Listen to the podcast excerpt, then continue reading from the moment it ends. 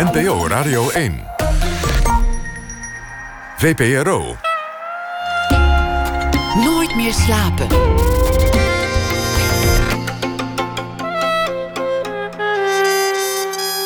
Met Pieter van der Wielen. Goedenacht en welkom bij Nooit meer slapen. Na één uur komt Maarten van Rossum op bezoek. De eminente historicus en Amerika-deskundige geeft een theaterlezing in verschillende theaters om de mensen nog wat relativering mee te geven. U hoort na ene ook Matthijs Deen over hoe moeilijk het is om te ontzamelen, het tegenovergestelde van verzamelen, het afscheid nemen van de boekencollectie. Maar we beginnen met Valentijn Danens. Domestica is de voorstelling waarmee hij samen met Alejandra Teus een medley maakt van de beruchtste echtelijke ruzies uit de westerse cultuurgeschiedenis. Die hopelijk schaarse dagen dat het werkelijk mis is. Als het servies vliegt, wanneer dingen worden gezegd die nooit meer worden ontzegd. En dan de bittere verwijten. En als al het leed dat de gewezen minnaars is aangedaan, hortend en stotend met tranen en schreeuwende uitbarstingen over de tafel vliegt. Is het zo dat we ons op zulke momenten stiekem laten inspireren door de cultuur, door Who's Afraid of Virginia Woolf of Temptation Island of JR of The A-Team? Dat is de vraag die achter de voorstelling schuilt. Valentijn Danens, geboren in Gent, is zelf in 1976 voortgekomen uit een wat later bleek ongelukkig huwelijk en heeft altijd een fascinatie gehouden en ook een afkeer van ruzie. Hij is bekend als hoofdrolspeler in de verfilming van De Helaasheid der Dingen naar het boek van Dimitri Verhulst. En op het ITVA opende uh, het festival met de documentaire, gedramatiseerde documentaire Stranger in Paradise van Guido Hendricks, waarin hij de hoofdrol speelde. Hartelijk welkom, Valentijn Danens. Dankjewel, goedenavond. Wat, wat weet je nog van die ruzies van thuis? Uh, enorm veel eigenlijk. Dat is, dat is toch vertraagd. Uh, omdat, eh, ik denk voor veel kinderen, dus één op drie denk ik, heeft intussen gescheiden ouders, uh, uh, kinderen tegenwoordig. Ja, het zijn toch de twee mensen die uw bakermat zijn, alles waar je aan vasthoudt, uw steun, uw toeverlaat. En als die twee dan ruzie krijgen of elkaar de duvel aan doen, zeggen we in het Vlaams, hè, elkaar pijn willen doen, ja, dan gebeurt er iets dramatisch, valt er iets weg voor een kind. Uh, ik, ik, was de oudste ook. Ik had twee uh, wat jongere zussen. Ik denk ook als oudste dat ik me net iets verantwoordelijker nog voel voor de situatie thuis of zo. Uh, dus ik herinner mij daar heel veel van. Eigenlijk letterlijk die dialogen. Misschien heb ik die veranderd ondertussen in mijn geheugen. Maar zoals vaak, als we iets licht traumatisch meemaken, kunt je vaak woord voor woord nog herinneren. In mijn geval althans gaat het zo. Terwijl hoe het precies gaat. Omdat ik die film natuurlijk keer op keer opnieuw heb afgespeeld als kind, denk ik. Dat ik het opnieuw, om het te begrijpen of zo. Het was ook uh, redelijk dramatisch. Nooit fysiek. Ik heb, uh, mijn ouders hebben geen fysiek geweld nog op ons, uh, nog op elkaar gepleegd. Maar ja, in woorden kon ze heel lang doorgaan. Vooral mijn vader kon echt tirades afsteken, waarin hij veel herhaalde. Dus het was ook makkelijk om, om het te onthouden. Om het te memoriseren omdat hij steeds uh, met dezelfde zinnen terugkwam. Ja. Maar er werden waarschijnlijk lelijke dingen gezegd. Want dat is de essentie van een, van een ruzie. Om dat woordelijk te herinneren lijkt, lijkt me een, een bijna traumatisch stuk geheugen. Ja, ik, ik, ik, ik, ik, heb er ook niet zoveel psychologisch inzicht over. Behalve dat het mij is overkomen zoals veel mensen is overkomen. Dus ik, ik kan er niet zo goed uit opmaken waarom het zo goed in mijn geheugen zit. Maar ik zat vaak, dus mijn ouders wachten vaak tot we gingen slapen, tot we dan boven waren. Maar dan werden we natuurlijk wakker van het geschreeuw en het gehuil. En, ja, en dan ging ik op de trap vaak zitten. Ja, ik weet niet, dat gaat rechtstreeks binnen. Hè. Er zit geen filter op. Er is ook geen ruimte dan om over iets anders na te denken of zo. Dus ik denk wel uh, dat ik nog veel van die dialogen bijna letterlijk zou kunnen opnieuw uh, opschrijven. Is natuurlijk ook voor een kind een enorm gevaar mee gemoeid. De, de omstandigheden waarin je leeft zijn in gevaar wanneer die ouders ruzie gaan maken. Ja. Eén gaat weg, wie neemt je allemaal mee? Misschien gaat de ander weg, misschien blijven ze bij elkaar, doen ze elkaar iets aan. Ja, en in eerste instantie wil geen enkel kind, denk ik, dat de ouders uit elkaar gaan, hoewel dat vaak uh, beter is. En in, uh, in mijn persoonlijk geval we zijn eigenlijk, uh, met, dus met mijn moeder zijn we eigenlijk denk ik twee of denk drie keer weggegaan en weer teruggegaan. En dat maakt het uh, natuurlijk niet eenvoudiger omdat je probeert aan te passen naar een nieuwe situatie en dan weer terug gaat en dan toch weer uh, bij papa meeproberen.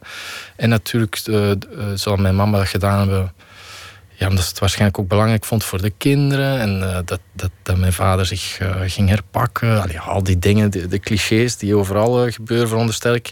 Maar als kind het aanpassen daaraan. En ik denk ook het, het beeld dat ik dan had van mijn mama. Van iemand die zei, we zijn weg en dan toch weer terug. Dat dat ook ja, een soort labiliteit een beetje aangaf. Waardoor ik mijn steun verloor als kind. En ik was de enige zoon en twee zussen. En op de een of andere manier zat ik net op die leeftijd dat ik mij wat verantwoordelijk voelde ook voor het gezin. Waardoor dan, toen we dan definitief weg waren, ik, ik dan ook nog het gekke idee had dat, dat ik verantwoordelijk was, dat het nu wel goed moest gaan met het gezin. Dat ik een beetje papa ging spelen, erzatspapa. Mijn zussen ging bevelen wat ze moesten doen. Het dwong jou om snel volwassen te worden? Ja, een soort van. Uh, ik kon dat helemaal niet aan ook natuurlijk. Dus het is volwassen in die zin dat je leert omgaan met emoties die je normaal nog niet aan kunt. Of er uh, probeert mee om te gaan. Maar ik kon natuurlijk niet echt uh, de vader gaan spelen. Ik was ook onredelijk. Dus het ging over stomme dingen. Dat ik mijn, om het gezinsleven nu op het goede pad te krijgen, dat ik mijn zussen ging bevelen dat ze moesten afwassen. Of dat ze dan moesten gaan slapen en zo. Het sloeg echt nergens op. Terwijl ik zelf eigenlijk liever ook nooit de afwas deed. Of het was niet zo dat ik echt een prominente rol in het huishouden ging spelen. Het ging er mij meer over dat ik niet meer toestond dat er enig, enige chaos in het gezin ontstond.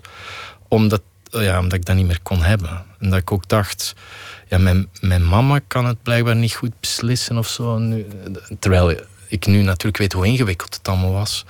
Maar als kind snapte je niet goed uh, waarom je, als je beslist om weg te gaan bij iemand, waarom je dan weer terug zou gaan. En dat, dat kon ik moeilijk hebben. Voor kinderen is het vaak helderder dan voor volwassenen. Die hebben, die hebben nog geen last van complexe liefdes en, uh, Inderdaad. en, en oude banden en, en dat soort dingen. Ja. Waarin ontsnapte je? Of, of deed je dat gewoon niet? Want dit klinkt allemaal voor, wel, wel heel volwassen en geordend. Van ik moet nu die, die ordening en die rust brengen in het gezin en, en een beetje de leiding. Waren er ook momenten dat je daaraan kon ontvluchten aan al die spanning en druk? Eigenlijk is het een grote keerpunt gekomen toen ik op internaat ging. En dan was ik intussen 14. Ik denk uh, de periode dat mijn ouders gescheiden waren, tussen mijn 10 en mijn 14. Dan zijn we natuurlijk ook verhuisd. Uh, of niet natuurlijk. Waar mijn moeder werkte, zijn we dan naar een andere stad verhuisd. Dus een nieuwe school. Dat is de minst prettige periode van, van mijn leven, denk ik. Ik vond er niet goed mijn draai. Ik was een beetje ongelukkig. En uh, bovendien ben ik dan gestopt met mijn vader te zien. Dus het bezoekrecht veranderde op een bepaald moment. Het was echt zo'n vechtscheiding die zeven jaar heeft aangesleept, als ik het me goed herinner. Uh, dus ik, uh, mijn vader wou mij op een bepaald moment niet meer zien. Dus dat is ook gestopt. Nog een vervelende ervaring waar ik niet goed mee om kon. En op 14, ben ik, 14 jaar ben ik op internaat gegaan in Leuven, helemaal de andere kant. Ik woonde toen in Eeklo, dat ligt tussen Gent en Brugge, voor wie het zich kan een beetje inbeelden. Leuven ligt onder Brussel. Uh, dus heel ver weg op internaat. En dan ben ik eigenlijk super gelukkig geworden, omdat ik afgesneden was van dat gezin. En dan zie ik een beetje alsof mijn eigen leven dan pas is kunnen beginnen. Omdat ik niet meer de verantwoordelijkheid, die ik sowieso niet echt had, maar het gevoel dat ik verantwoordelijk was voor het geluk van mijn familie, dat ik dan een beetje kon alleen niet een beetje, dat ik dat enorm kon achterlaten. En dat heeft zichzelf vertaald. Dus ik ging één week op internaat. Uh, je moet je voorstellen, Eeklo, Oost-Vlaams dialect, dat klinkt een beetje een zo, dat is nogal een, een accent zo. En ik, ik was één week in Leuven, ik kwam terug in het weekend en heel mijn taal was veranderd. Ik sprak met een licht Brabants, Antwerps accent, gewoon omdat ik in een nieuwe context zat, mij daar een nieuwe identiteit had aangemeten. En dat heeft eigenlijk een, een hele grote... ja, een heel groot draai aan mijn leven gegeven. En een beetje de ontvoogding van mijn familie. Sindsdien had ik ook niet meer zo de behoefte om dingen te delen. Uh, heb ik tegelijkertijd een beetje afstand genomen van mijn mama uh, en, en, en mijn gezin. En tegelijkertijd denk ik op een betere manier met mijn moeder ook kunnen omgaan. Met net wanneer, iets wanneer, meer afstand. Wanneer kwam het acteren? ik denk toen ik zes was, heb ik de eerste keer gezegd dat ik dat graag wou doen. Ik weet niet goed waarom het kwam. Mijn moeder heeft als uh, jonger was toneel gespeeld. Ik, ik, was een beetje een melancholisch kind. Ik verlangde naar iets meer, maar ik wist niet goed wat. We, we leefden toen mijn ouders nog samen waren op het platteland, maar ook in een soort verkavelingswijk waar nog maar één huis stond. Allee, twee huizen, wij en, en de buren. Voor de rest was daar, was daar niets. Ik voelde er een soort eenzaamheid. Ik weet niet goed waar die vandaan kwam of zo. Maar anyway, ik merkte, ik uh, kon goed uh, mentaal gehandicapt uh, nadoen. Of het is iets wat ik me herinner als kind. Als zes jaar, kon doen. En dat dan mijn grootouders moesten lachen daarmee. En mijn grootmoeder zei, allee, stop daarmee. Straks blijft, u, blijft uw gezicht zo staan. En ik weet niet waarom, maar dat, dat leek alsof ik dan plots dat dat iets betekende. Dat ik, het was, ik was ook niet, zeker niet zo populair op school of zo. Ik had nauwelijks vrienden. Uh, mijn vader stond ook niet toe dat we naar verjaardagsfeestjes gingen of zo. We, we leefden een beetje een geïsoleerd eh, leven, of toch geïsoleerder dan andere uh, schoolkinderen. En ik denk, eh, dat klinkt heel stom natuurlijk, maar ik denk dat daar een beetje de eerste kiem, omdat ik een mentaal gehandicapte nadeed, iets anders speelde en ik kon best een zondagavond daarin doorgaan. En dat ik daar een soort appreciatie voor kreeg. Het was toch een soort succes, je werd gezien. Ja. Ook al werd je gezien als iemand die je niet was, maar... Mm. Ja. Dat, en het is natuurlijk ook een ontsnapping. Het is een vlucht, acteren. Je ja. kan, kan elke rol aannemen je kan alles worden wat je wilt. Dat in elke erbij. stemming verkeren. En ik had ook uh, een onkel. Allee, die heb ik nog, die onkel. En die was tv-omroeper. Uh, en dat liep voor mij allemaal een beetje samen, toneel. En uh, het was een mannelijke tv-omroeper toen dat nog uh, voorkwam. Tegenwoordig zijn er ook geen tv-omroepers meer. Maar uh, die zijn wereld, en die, was de BRT, heette dat toen nog, uh, nu de VRT. Daar mocht ik dan wel eens mee naartoe. En daar waren dus ook acteurs en zo. En, die wereld fascineerde mij en leek mij ook zo spannend in vergelijking met, met het wat saaiere leven dat ik daar op het platteland meemaakte. Dat trok aan. Hoe ben je later zelf ruzie gaan maken? Als je, als je vriendinnetje zei uh, ik zorg wel voor het eten. En dan kom je thuis en dan, dan staat er helemaal geen eten. En het vriendinnetje is ook nergens te bekennen. En die komt dan om, uh, om drie uur stomdronken thuis. Omdat ze was gaan drinken met collega's. En jij bent woedend. Lukt het je dan om dat meteen te uiten? Of, of hou je juist in? Of, of ben je een ruzieschopper? Ik heb er weinig progressie in gemaakt. Ik ben echt niet goed in uh, ruzie maken.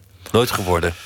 Ja, een beetje meer. Ik ben er me iets meer van bewust dat, ik dingen moet uitspreken voor ze overkoken. Maar op zich ben ik nog altijd een binnenvetter, noemen wij dat. Iemand die eigenlijk uh, niet, niet snel zal uh, beginnen roepen tegen iemand. Tot wanneer het dan overkookt en dan slaan ineens de, de stoppen door. Nu niet dat ik uh, mensen pijn ga doen. Maar het is, het is niet veilig om ruzie te maken omdat het thuis ook niet veilig was. Omdat het dan meteen helemaal misging. Zie, ik denk dus nooit lang genoeg na over die dingen. Heb ik ze precies geen zin in. Misschien is dat de, de logica ervan. Het is in elk geval zo, zelfs als ik er niet bij betrokken ben als mensen ruzie maken, stel u krijgt uh, ruzie met uw regisseur hier terwijl ik zit te wachten, dan voel ik mij daarvoor verantwoordelijk. Terwijl ik jullie niet ken, terwijl ik niets met jullie te maken heb.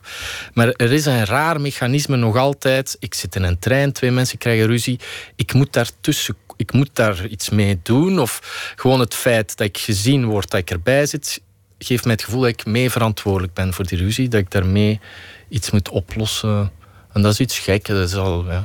het is een bekende voorspelling van Machiavelli al. Dat als twee mensen ruzie hebben en een omstander zich ermee bemoeit dat ze zich naar alle waarschijnlijkheid allebei zullen richten op die omstander die tussen beiden kwam. Ja, dat zou ik dan toch de sterkste willen vermijden. Dus, uh, ik wil zeker niet betrokken raken in conflict. Ik doe eigenlijk alles om conflicten te vermijden.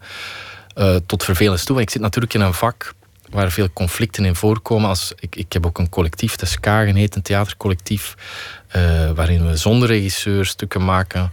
Komt natuurlijk vaak tot discussies.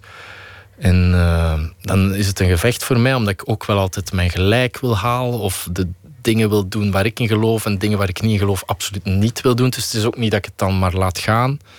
Maar dat is een moeilijke balans. Uh, dus dan word ik soms verplicht om ruzie te maken. Maar dan nog doe ik het niet goed. Dan ga ik snel op de man toch spelen of iemand pijn, een beetje pijn doen.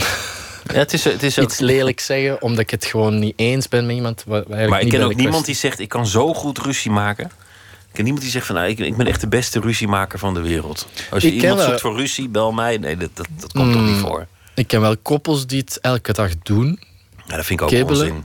Ja, nou dat, lijkt, dat lijkt een goed af te gaan. Ja, die, ja, maar er zijn zoveel leuke dingen die je kunt doen. Maar je hebt wel een fascinatie voor ruzie. Want ik, ik hoorde het verhaal, ik weet niet eens of het waar is dat je, dat je aanvankelijk voornemens was om ruzies van anderen op te nemen op een, uh, nou ja, een geluidsregistratieapparaat als inspiratie voor de voorstelling. Dus, het is een beetje een verdraaid verhaal. ik heb ooit niet voor deze voorstelling, maar het idee gehad om ruzies te proberen opnemen om daar iets mee te doen. Nu niet voor deze voorstelling, omdat het een ander eh, concept is.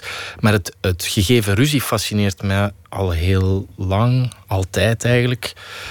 En eh, de reproductie van ruzie vooral, omdat een echte ruzie is verschrikkelijk chaotisch. En uh, de, de, de gedachtensprongen die mensen maken zijn bijna niet te detecteren. Maar enorm fascinerend. En in kunst of in, uh, in, in boeken, in films wordt een ruzie dramatisch opgebouwd. Is het eigenlijk best logisch in elkaar en, en uh, is, is, is, het een kunstje? Hè? Is, heeft dat weinig eigenlijk met echte ruzie te maken, hoewel het gebaseerd is op de echte ruzie. Dus het is voor mij de kunst van uh, de ruzie reproduceren is eigenlijk hetgene waar ik al heel mijn leven door gefascineerd ben. Door het feit dat ik door echte ruzies uh, zo getekend ben, denk ik. Omdat het heel moeilijk is. Een schrijver of een, of een, of een scriptschrijver die zou dat te netjes maken. Mensen gewoon bij een soort verhaallijn houden. Of, of de ruzie een, een keurig onderwerp meegeven. Ik, ik, ben, uh, ik, heb, ik, ik, werk vaak met documentairmateriaal. Uh, Raymond Depardon is een Franse, uh, eigenlijk magnumfotograaf, maar die ook documentaires heeft gemaakt. Eén daarvan heet Délit Flagrant, waar mensen die, denk 89, in Parijs rond kerstmis, mensen die net worden opgepakt, mocht hij voor het eerst filmen. In Frankrijk kom je dan direct voor een procureur terecht. Die zit daar heel de nacht in de, in de kelders van het Franse Justitiepaleis. En die beslist dan of het voor snelrecht komt, of het geseponeerd wordt, of het later voor uh, rechtbank komt. Dus je ziet die mensen nog stijf van de adrenaline, net opgepakt voor autodiefstal, uh, zijn vrouw geslaan, een junk die het schip gestolen heeft, uh, allerhande, meestal kleine criminaliteit. Die zit daar vol adrenaline. En langs de andere kant zit de procureur die daar routineus heel de nacht moet zitten. Zoals jij hier elke nacht uh, mensen moet ontvangen. Met een makkelijker baantje dan die procureur? Uh, misschien wel, ja. En, en uh, dan zie je de strijd van die man, die, of uh, man, of vrouw ook, uh, die liegt, die zichzelf probeert te verdedigen, omdat hij weet, hier hangt alles vanaf. Als ik, en steken vaak, altijd, of bijna altijd, de schuld op anderen voor wat er gebeurt. is. die mechanismen die zo lelijk zijn, ook, maar ook zo menselijk. Zo dat verdedigingsmechanisme, de wil en, en om die procureur die daar de hele nacht zit aan zijn bureautje... en dan komen dus al die raddraaiers binnen en dan zegt hij... Maar jij mag naar huis, je hoort er nog wel van. En, en jij, met jou gaan we nog even verder. Jij moet blijven. Daar komt het op neer. En die, die procureurs zijn natuurlijk getraind in ondertussen achterhalen wat is leugen, wat is er waar. Die noteren wat is uw verklaring. Oké, maar hier spreekt u uzelf tegen. Die mensen die schieten in alle krampen om zichzelf eruit te redden. Het is lelijk om te zien. En tegelijkertijd enorm fascinerend, omdat je daar de mens op zijn bruut ziet. Die vergeet ook direct die camera die er staat op een statief. Omdat voor hun er alles van afhangt. En dus ik heb dat zo vaak uh, bekeken. Ik heb die helemaal uitgeschreven. Uh, ik heb dat nagespeeld om te begrijpen hoe een mens in crisis uh, reageert. En dat is, dat is helemaal chaos. Maar door erin te duiken en het van buiten te leren, leert je dan een eigen psychologische weg vinden als acteur in hoe die man, vrouw, haar verhaal maakt, haar pleidooi bijeenraapt. En al spreekt ze een minuut later zichzelf volledig tegen, dat maakt niet zoveel uit. Het gaat over, het gaat over uzelf redden. En uh, de parallel ermee in ruzies is dat het ook vaak gaat over uzelf redden. En een hoop frustratie die al uh, jaren meesleept natuurlijk. Maar het, het, het, het, het, is vaak dezelfde chaos. En ook als ik dus zelf ruzie maak, om daar even op terug te komen, merk ik dat ik toch ook snel in slechte slechte uh, putten val dat ik iemand wil pijn doen. Omdat hij iets gezegd heeft wat ik niet leuk vind en dat ik die probeer pijn te doen op een totaal... Opzettelijk onredelijk worden. Ja, ja voilà. kinderachtig eigenlijk. We noemen kan, dat kan ook heel lekker zijn om onredelijk te zijn. Ja. Ja. Onverstandig, maar, maar heerlijk. Jullie maken op het podium flink ruzie en daarbij citeren jullie tal van um, plekken uit de cultuurgeschiedenis, van reality soaps tot Dallas, tot, tot uh, hoogtheater, van, van, van oude Grieken tot aan uh, nou ja, JR, noem maar op. En, en hiphoppers komen ook langs, rapteksten, nou ja, noem maar op. En tussendoor ook nog musical liedjes om het weer een beetje te, te verlichten. Jullie vechten, jullie hebben goedmaakseks, jullie, uh, jullie doen alles. Een hele intensieve voorstelling. Als je het omdraait, als je, als je het vergelijkt met de romantiek, dan is het eigenlijk heel vanzelfsprekend dat, je, dat, dat er een soort clichés zijn ontstaan voor wat romantiek is. Het uh, mariachi-orkestje, het jaarwoord op de Eiffeltoren, de top van Empire State Building, de rode rozen. Geldt het ook voor ruzie? Ja. Uh, zeker in de zin dat het een soort heteroseksuele. De meeste, uh, eigenlijk alle mannen, uh, alle schrijvers van de stukken die ik gebruik zijn mannen in, in zekere zin. Je zou kunnen een uitzondering maken voor. Er zit een stukje Mel Gibson in die met zijn ex. Dat staat op YouTube, iedereen kan dat horen. Die zijn ex voor het vuil van de straat uitscheldt. Vreselijke taal gebruikt. En zijn vriendin heeft dat opgenomen, zijn ex-vriendin. In zekere zin is zij de auteur van die gesprekken, want zij wist dus dat ze het opnam. Dus haar tekst is niet gecensureerd, maar ze is er zich bewust van uh, dat ze dit, wil gaan gebruiken in een rechtbank, terwijl Mel Gibson aan de andere kant van de lijn van niets zich bewust is. Dus daar zou je misschien de auteurschap aan een vrouw kunnen toewijzen. Maar eigenlijk alle ruzies die ik gebruik, en dat is een beetje onbewust, maar goed, dat is toch de conclusie achteraf, zijn door mannen geschreven. Dus we kunnen er al van uitgaan dat het een soort manbeeld is. En dat de, de vrouw die vaak geportretteerd wordt, als het al geen deze noemen wij dat, een beetje een, een, een, een, onderdanige vrouw is, dan zal het wel een hysterische vrouw zijn. En daarin is de voorstelling misschien niet helemaal eerlijk of niet helemaal. Uh, ja, niet, niet helemaal gelijkwaardig, is dat je wel ziet als mannen ruzie schrijven, dat het vaak de brute kracht is tegenover de sentimentaliteit of tegen de hysterische vrouw zoals die in Virginia Woolf uh, wordt geportretteerd of de Sue Ellen, uh, dat type. En ik ben natuurlijk ook gefascineerd wel door die archetypes waarmee dat geportretteerd wordt in de kunst. Uh, dat het mij niet zozeer gaat in deze voorstelling over het, over het echte leven. nu denk ik aan de andere kant dat ons idee van de romantiek van mijn generatie ik ben opgegroeid met Walt Disney, met enorm veel Amerikaanse televisie. Ik, ik, ben misschien de eerste generatie die zoveel televisie heeft gezien, eh, zoals die 18 MacGyver. Maar ook al die romantische romcoms. En ik denk dat, dat, dat mijn beeld van romantiek ook wel gekleurd heeft. Nu zit er in de voorstelling Domestica ook een, een meisje die piano speelt. En ik hoop altijd een beetje dat het publiek via haar rugje, want je ziet eigenlijk alleen maar haar rug, ze zit met haar rug naar het publiek, dat je via haar rugje onze ruzies uh, uh, percepieert. Omdat zij ook het kind is, ja, het, het slachtoffer. en ze is er eigenlijk heel tijd stilletjes. Als ze genoeg heeft van een ruzie of als we naar haar roepen, begint ze zo'n Walt Disney-achtige liefdesduet te spelen. En dan maken we het inderdaad goed door elkaar uh, te bezingen met van die Walt Disney uh, slijmerige, tearjerkerige uh, muziek. Maar dat is zeker iets waar ik niet los van kom, omdat ik opgegroeid ben met toch een beetje het idee dat dat romantiek is. En ik weet zeker dat die Amerikaanse cultuur toch uh, beïnvloed heeft hoe mijn generatie denkt over romantiek. Inderdaad, hoe we in Parijs op een brug onze geliefde ten huwelijk zouden moeten vragen. Of hoe het er moet uitzien als we langs de Seine lopen. Omdat dat, toch het beeld is van, dat uh, dikwijls herhaald is in die Amerikaanse cultuur. Uh, die filmcultuur, hoe dat bij ons is overgekomen. Dus dat is eigenlijk een beetje de, de, de, de tweespalt in de voorstelling.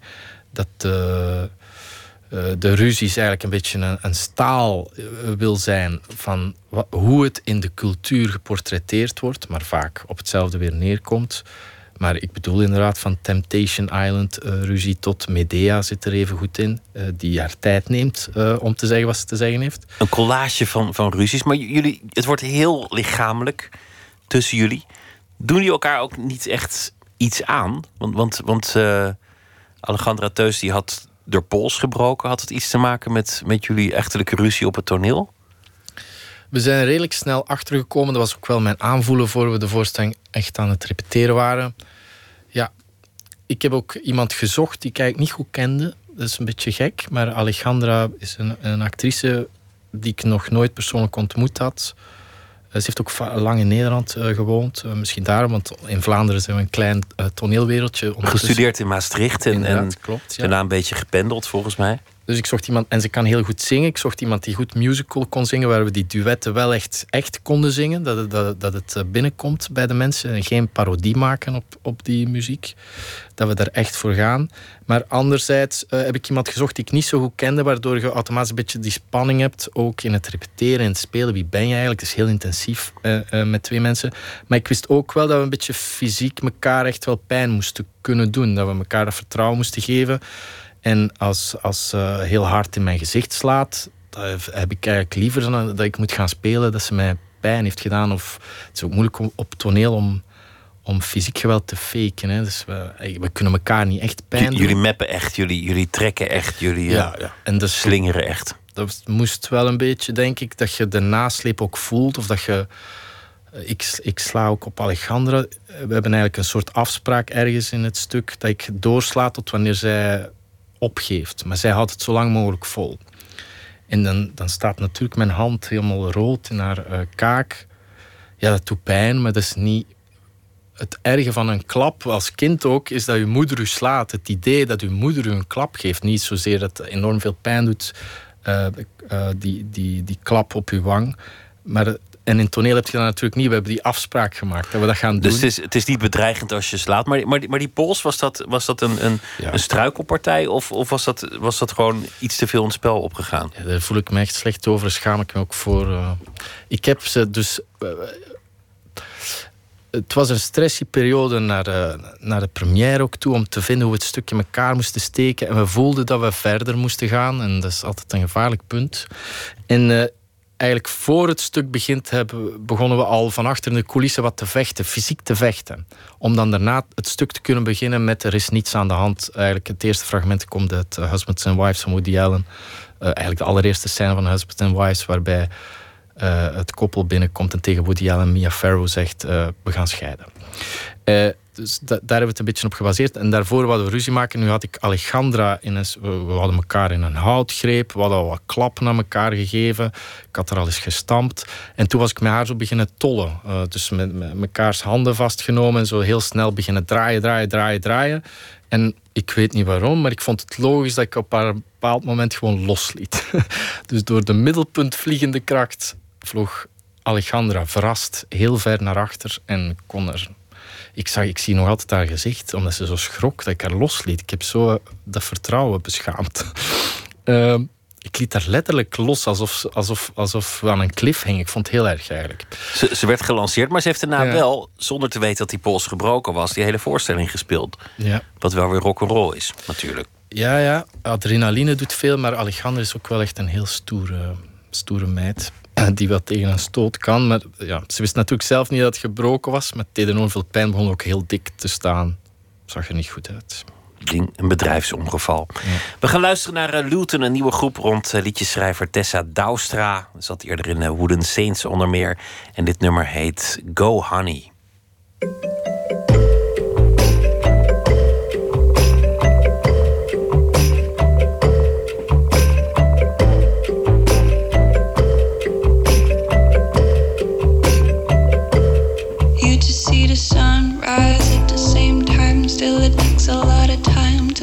The same sight.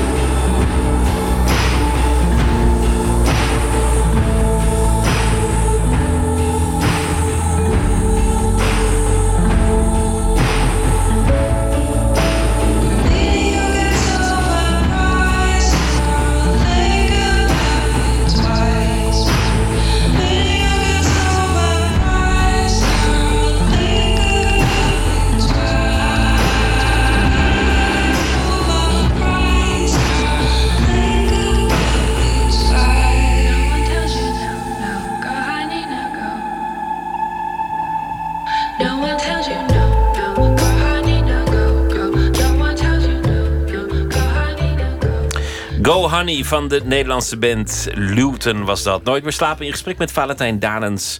Naar aanleiding van de voorstelling Domestica over eh, het fenomeen ruzie maken in relaties. En uh, vooral tegen het einde van de relatie, dan uh, neemt de ruzie statistisch altijd iets toe. Het ITVA-festival was aan de gang afgelopen najaar. Openen met de film waarin jij de hoofdrol speelde van Guido Hendricks, Stranger in Paradise, over de vluchtelingenkwestie. Um, het was eigenlijk vrij eenvoudig van opzet. Jullie zijn naar Sicilië gegaan, waar heel veel uh, vluchtelingen aankomen of migranten aankomen. En in verschillende scènes spreek je een klaslokaal met, met geselecteerde vluchtelingen toe als acteur. In de eerste scène ben je heel direct, heel hard en vertel je de vluchtelingen: niemand zit op je te wachten. Het zijn er veel te veel het is niet te bolwerken voor de Europese Unie om al die mensen op te vangen. Het wordt veel te duur. Jullie gaan het hier ook waarschijnlijk niet redden. Jullie laten je eigen continent in de steek. Het is een slecht idee dat je bent overgestoken. Wat doe je je kinderen eigenlijk aan? Kortom, een, een, een slecht nieuwsgesprek. Heel confronterend om die, om die vluchtelingen te zien die dat, dat verhaal, wat voor hen zoveel betekent, te horen krijgen.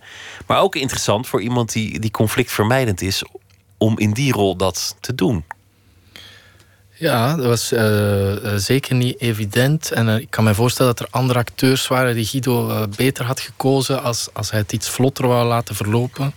Ik was ook heel onzeker en ik heb heel veel tijd besteed met Guido. Ik denk toch wel een tien, denk meer dan tien repetities vooraf omdat ik teksten wou klaar hebben. En hij had, heeft best veel geschreven, Guido, voor we zelf zijn beginnen schrijven. En het concept was, was helemaal hoe hij het in zijn hoofd had. Maar ik wou meer materiaal hebben, omdat ik meer zou kunnen reageren op hoe mensen dan weer reageren op wat ik zei. En, uh, maar ik denk ook, ik doe, soms stort ik mij gewoon in iets uh, wat mij eigenlijk niet zo ligt. En dat, dat, heeft mij tot nu toe altijd al beloond, in een zekere zin. Ik, uh, ik heb ook wel eens liefjes gehad die totaal niet bij mij pasten. Ik vond dat best spannend om dat ook eens te proberen. Om iets te doen dat gewoon helemaal buiten de verwachting ja. is en buiten je patroon. Ik verwacht veel van het leven, hoewel ik best timide ben. Maar toch verwacht ik veel van het leven. En dat is een beetje door mezelf te dwingen in bepaalde uh, posities. Word ik dan toch altijd beloond met een rijke ervaring. Uh, no pain, no gain of zoiets. Ik weet niet wat het is. Maar ik, ik moet vaak voor iets vrezen om er dan daarna plezier van te hebben. Dat, dat iets is gelukt of dat ik iets heb bijgeleerd of een nieuw inzicht heb uh, gekregen. Dat is een beetje hoe het voor veel dingen in mij opgaat. In zekere zin ben ik ook een beetje een anti-acteur. Dat ik eigenlijk niet zo hou van ijdelheid. Dat ik mij een beetje schaam ook over het feit dat ik zo graag applaus wil en zo. Dus ik, ik worstel sowieso met al die dingen die het acteurschap uh, typisch maken. Hoewel ik, zoals ik al zei, van mijn zes al denk dat ik acteur wil worden. Maar ik zie me altijd een beetje als een anti-acteur. Alsof er een soort... Ja, alsof ik hier zit als acteur, maar daar, daar altijd een, een dubbel gevoel bij gehad heb. Nu, deze film heb ik om velerlei redenen gedaan, maar ik ben ook een controlefreak, dus ik heb ook heel veel gesprekken gehad, heel veel vragen gesteld, heel veel een beetje naar mijn hand gezet om het tot iets te maken wat ik ook wou vertellen. Ik vond het belangrijk in, in deze documentaire film, hoewel ik een fictief personage ben, dat ik, die, dat ik die, deze film mee kon dragen, dat ik daar volledig kon achterstaan, dat ik geen dingen moest doen uh, waar ik in een fictiefilm uh, minder problemen mee zou hebben, waar ik niet in geloofde. Of uh, het, het, het totaalding was belangrijk. Dat is interessant, omdat je drie totaal verschillende rollen op je neemt. De eerste is die van het hardvochtige slecht nieuwsgesprek. Asielzoekers geeft die droom op, je hebt hier niks te zoeken, het gaat niet werken, het is een slecht idee. En we willen jullie hier niet. In het tweede gedeelte hou je het, het radicaal andere verhaal. Dan zeg je ja migratie de andere kant op in de koloniale tijd naar Afrika mocht wel. Dus, dus jullie hebben het volste recht om hier te komen in moreel opzicht. Ja. En wij kunnen wel wat jonge arbeidskrachten gebruiken. En jullie zijn migranten. En wat is er nou menselijker dan migreren? Jullie zijn de ambitieuze, moedige mensen die een stap wagen. Nou ja, we, we kunnen inmiddels alle argumenten alle kanten op dromen. Maar ook interessant om te zien wat dat weer doet met die, met die vluchtelingen. En in derde instantie, dat, dat was de heftigste scène doe je het gewoon formeel. Ga je gewoon uitleggen voor wie de regels opgaan en voor wie niet. En wie mag blijven en wie niet. Ja. Dan plak je zelfs plakkertjes op degene die moeten vertrekken. Van nou ja, jij kan weg, jij kan weg. Uit jouw land worden geen mensen binnengelaten. Ja, en dat zijn ook de, de, de regels zoals in Nederland worden toegepast. Dus we hebben die ook proberen zo strikt mogelijk. Uh, natuurlijk is er soms discussie over beoordeling. Maar uh, de mensen die we in de documentaire uh, zeggen... jullie zullen nooit asiel krijgen, zullen ook waarschijnlijk nooit asiel krijgen. Tenzij ze andere tactieken proberen. soms zeggen mensen wel eens dat ze homoseksueel zijn omdat in veel landen homoseksualiteit niet wordt aanvaard of onderdrukt. Dat is vaak een manier om de enige manier om asiel te krijgen als je uit bepaalde uh, landen komt, omdat uh, uw leven niet in gevaar is in veel van die landen. Dat is nog altijd de maatstaf. Uw leven moet rechtstreeks bedreigd worden om asiel uh, te kunnen krijgen. maar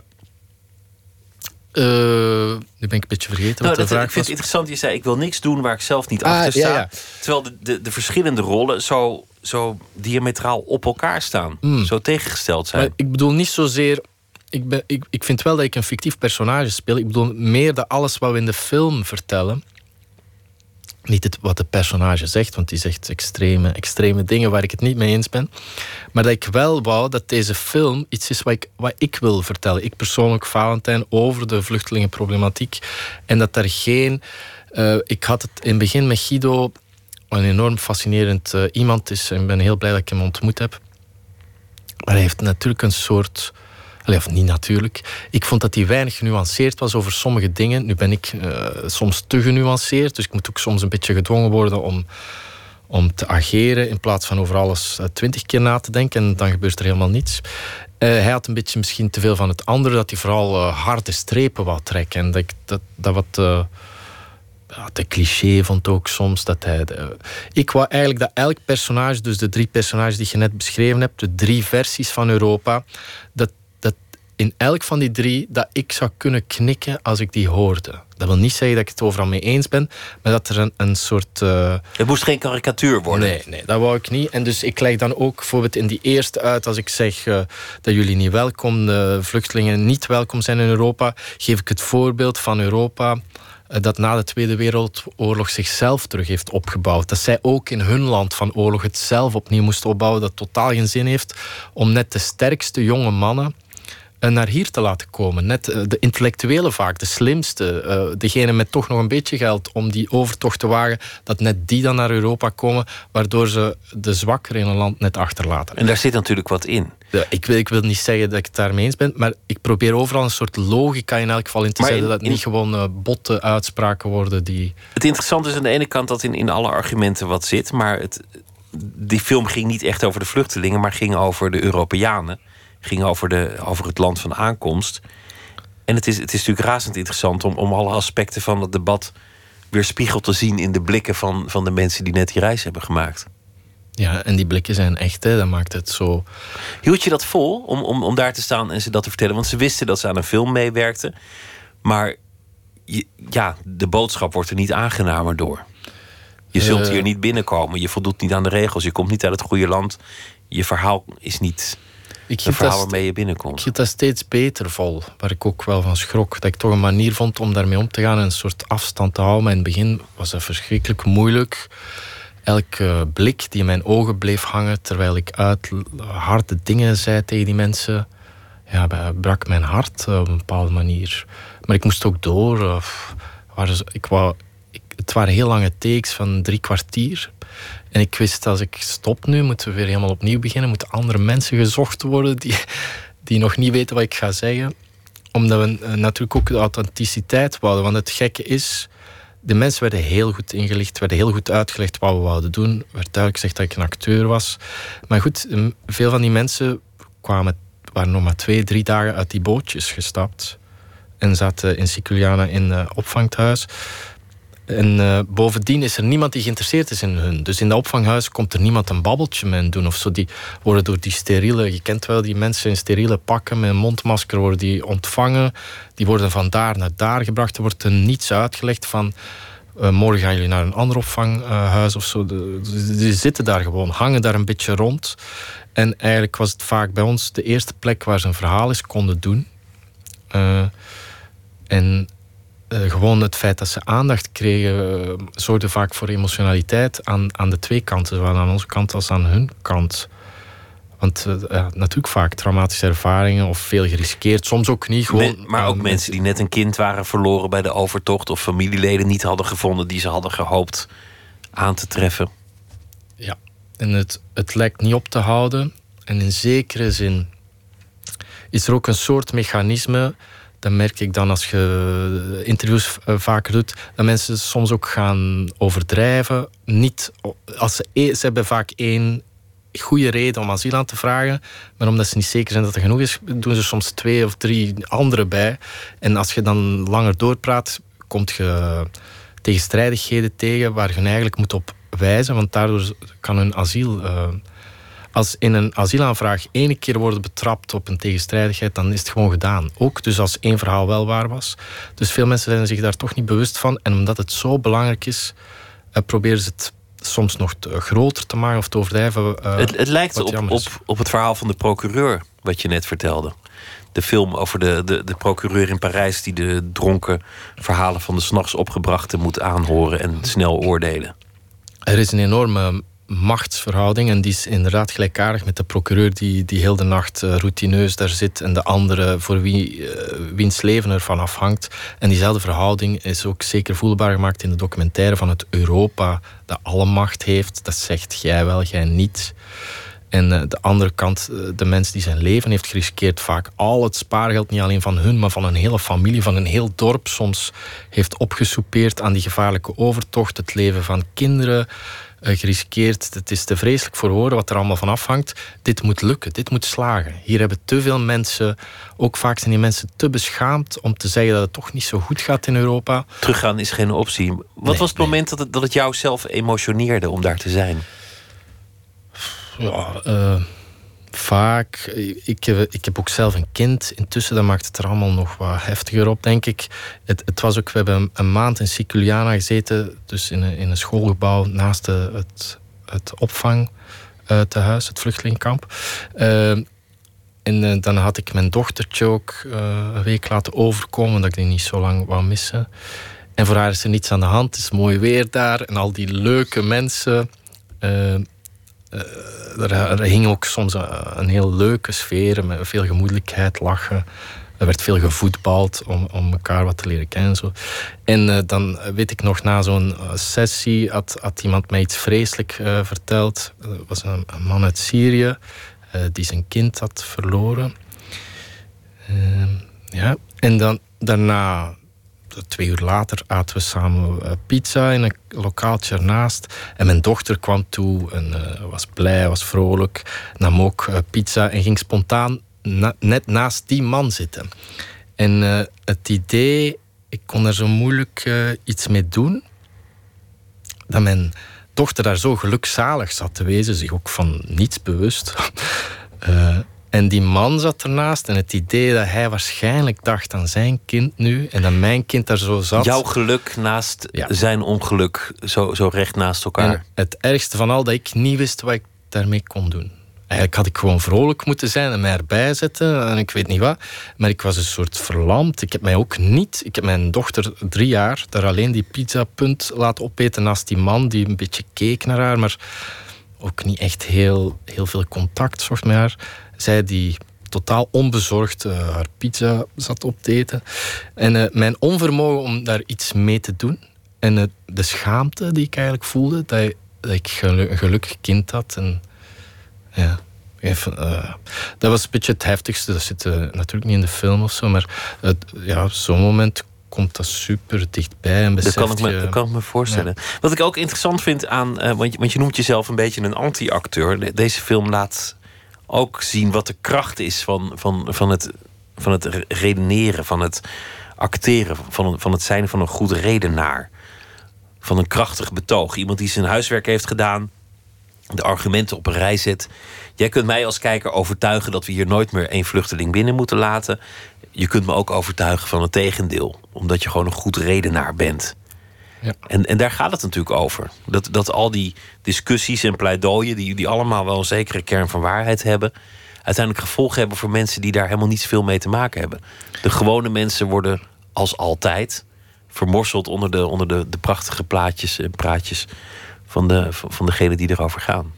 Dat is eigenlijk hetgeen waar mijn grootste fascinatie en wat ik al in andere voorstellingen heb verwerkt, een beetje samenkomt met mijn rol in die documentaire, waar, waarom ze mij ook gevraagd hebben, denk ik. Want ik kende niemand van die, van die ploeg of die mensen. Is dat ik eigenlijk zo was sinds mijn 17 enorm gefascineerd ben, niet door het, het politieke karakter van uh, toespraken, maar gewoon het idee dat iemand de wereldgeschiedenis kan veranderen door zijn mond open te doen en gebruikt als je de kunst beheert van de retorica, uh, zoals wij het noemen, ja, dat je daarmee in staat zit om hele volkeren in een bepaalde richting te bewegen. Dat heb ik altijd zo, vind ik nog altijd enorm ongelooflijk. En uh, vandaag is het uh, meer dan ooit aan de hand. Dat is zo'n raar iets dat gewoon door klanken te produceren. Dus de dieren kunnen net niet, kunnen niet praten. Wij als mensen kunnen dat. En daardoor kunnen wij enorm veel macht hebben over andere mensen. En, dus, en langs de andere kant, van waar komt die noodzaak van de mensen aan leiders? Toch ook altijd het willen horen, het, het gevoel willen hebben dat iemand het beter weet dan uzelf, al uw twijfels misschien wegneemt. Gehypnotiseerd willen worden. Want iets... die voorstelling heette Grote Mond, is later ook in, in Engeland uitgevoerd onder de naam eh, Big Mouth, waarin je een collage maakt, zoals je nu een collage van wereldberoemde ruzies hebt gemaakt van toespraken, ongeacht de inhoud. Martin Luther King naast Goebbels. Want het zijn allebei goede toespraken, of je het nou met de inhoud eens bent of niet. Ja, en maar wel met de opdracht om, eh, zoals, zoals ik ook uh, probeer in documentaire, om, ik doe voor Goebbels petten, kruis ik door elkaar, dat je als publiek. de opdracht was om iedereen geloofwaardig te maken. Dat je als publiek altijd kunt relateren en een soort begrip kunt opbrengen voor wat iemand zegt. Ik heb ook eh, bijvoorbeeld de Bush, de 9-11 speech, vlak na 9-11, eh, gemixt met eh, de Katrina speech. De een heeft een duidelijk vijandsbeeld, heeft die dan ehm, gezet. Katrina heeft geen, is een soort storm en is er God als troost. En door die door elkaar te mixen krijg je ook wel echt een gevoel hoe retorica werkt, hoe we vaak een vijand graag, hoe dat helpt om iets te verwerken. En als we dat niet hebben, hoe we troost kunnen vinden in, in uh, dingen als God of in hulpverleners die helden zijn, de helden ook uh, die we graag hebben om iets te overwinnen. Wat zijn de basisingrediënten van een geslaagde speech? Dat, dat, dat is tegelijkertijd hetzelfde gebleven als wat, hoe de Grieken de speech hebben uitgevonden eigenlijk. Maar het is veranderd door de popcultuur, de manier hoe wij media consumeren de basisingrediënten zijn eigenlijk dat, dat degene die speecht weet wat uw verlangens zijn, wat uw angsten zijn. En dat hij die kan omdraaien in zijn voordeel. Dus natuurlijk een speech tegen mensen die al hetzelfde geloven is weinig uitdagend. Maar dat je in een toespraak iemand een andere richting kunt laten uitkijken, dat is eigenlijk. En waar die torsing zit, dat is eigenlijk het mooiste, denk ik, van een speech. En die moet je kunnen hanteren. Er zijn heel veel eh, maniertjes. Amerikanen doen vaak een mopje in het begin van de speech. Als je mensen kunt laten lachen, dan, dan zijn ze al open. Dan heb je ze al open gekregen. En dan kun je eigenlijk het moeilijke medicijn naar binnen uh, lepelen. Manipuleren kun je leren. Schrik je van je eigen kracht als, als uh, acteur? Van, van het effect dat je kunt hebben met je woorden, met je met je retorica, met je teksten? Hoe je, hoe je een zaal in vervoering kunt brengen of angst kunt aanpraten? Dat is relatief, hè, omdat toch altijd de, eh, de, de, filter van de fictie hebt. Ik denk niet dat mensen ooit echt, echt... Ze moeten zichzelf toestaan om naar mij te willen luisteren, om mij te willen geloven. Dat is een beetje de code als je een theater binnengaat, dat je zegt, oké, ik ga nu gewoon uh, kijken wat die man zegt en ik ga, ik ga daar willen, ik wil daarin meegaan. Uh, maar ik, ja, soms gebeurt er wel iets magisch. Ik weet niet of het magisch is, maar je voelt wel als, als je een naald kunt uh, horen vallen, wat, mensen zeggen. Die enkele keren, dat is misschien wel waarom je toneel maakt, voor die enkele keren per seizoen, dat is lukt, dat alles is samenvalt en dat je voelt dat je één bent met, met het publiek. Uh, dat je hetzelfde denkt te denken, dat je communiceert wat je wilt communiceren, dat de timing dan ook perfect zit. Uh, ja, die paar keren, en dat gaat dan toch vaak over het spreken, over taal, over, over uh, dezelfde technieken als retorica, ja, dat je mensen wel een, een beetje in je bezit hebt. Of dat er een, een, rechtstreekse uitwisseling is van emoties meer dan alleen gedachten. Wat is je worsteling met het vak? Want je hebt succes. De, de Helaasheid der Ding is een van de bekendste Belgische films waar, waar je in de hoofdrol had. Je, je maakt al heel lang voorstellingen die succes hebben. Wat, wat is je worsteling met het vak? Een soort mini-schaamte. Al ben ik, ik, speel heel veel. Hè. Ik speel zoveel in, in het buitenland. Ik speel steeds meer. Ehm, ik denk ik vaak uh, tussen 150 en 200 voorstellingen op een jaar doe. Dus dat is echt heel veel spelen. Er, blijft een soort mini-schaamte over daar. Waarom moet ik daar altijd gaan staan? Waarom ben ik bereid om daar altijd zenuwen voor te hebben, stress te hebben? Want ik, ik ben niet een acteur die na een paar keer wow, makkelijk lukt wel. Ik heb eigenlijk net ervoor heb ik er nooit zin in. Zo, ik wil dat er een brandalarm afgaat, dat er iets gebeurt waardoor het niet kan doorgaan. Uh, dus het is niet zo dat het mij gemakkelijk afgaat. En dan uh, na de voorstelling de loutering, het applaus, mensen die mij lief hebben, die het mooi vonden wat ik gedaan heb. Wat, het feit dat ik daar opzoek, dat ik er behoefte aan heb, dat vind ik een beetje schaamtelijk. En nu niet dat Je vindt het een manifestatie van ego? Ja, dat is het sowieso. En alle acteurs zijn ijdel. En ik kan mij ook wel best ergeren aan andere acteurs die dan net dat tikkeltje ijdeler zijn dan ik, of dan net iets meer laten zien of ik weet niet wat. Maar, ik, uh, maar ijdelheid is toch ook niet zo erg als dat ervoor zorgt dat mensen nog uit bed blijven komen? Oh, ik zie het, nee. Dat vind ik wel. Ijdelheid is erg. Hou van mij, hou van mij. Dat vind ik zo erg om te zien. Dat steeds opnieuw vragen. Schaam je ook voor andere dingen in je leven? Voor, voor je geluk? Voor, voor, voor wat goed gaat in je leven? Voor je, voor je relatie? Voor, uh, voor het feit dat het je allemaal toch gelukt is? Ik, ik ik ga graag op in de mensen bij wie ik ben. Dat wil zeggen dat ik daar niet graag bovenuit steek. In die zin, als iemand ongelukkig is over iets en die komt dat melden aan mij, dat ik uh, graag hetzelfde ongeluk wil hebben. Om die, om die te troosten. Dat, dat lukt natuurlijk niet. Maar, maar daar helpt iemand ook niet mee. Door er zelf ook een beetje ongelukkig te gaan zitten zijn. Ja, weet ik niet, hè. vast niet. Nee, zeker niet. Nee, maar je, je zei het, als anderen ruzie hebben, dan, dan trek ik mij die ruzie aan. Als, als daar een man zit die zijn kind is verloren en jij zit er met jouw kind, dan, dan voelt het ongemakkelijk omdat jouw geluk op de lege plek van zijn ongeluk zit. Mm. En je bent acteur, dus je staat op dat podium. Het, het is je vak, het is wat je altijd wilde, maar toch ben je daar ook niet comfortabel mee.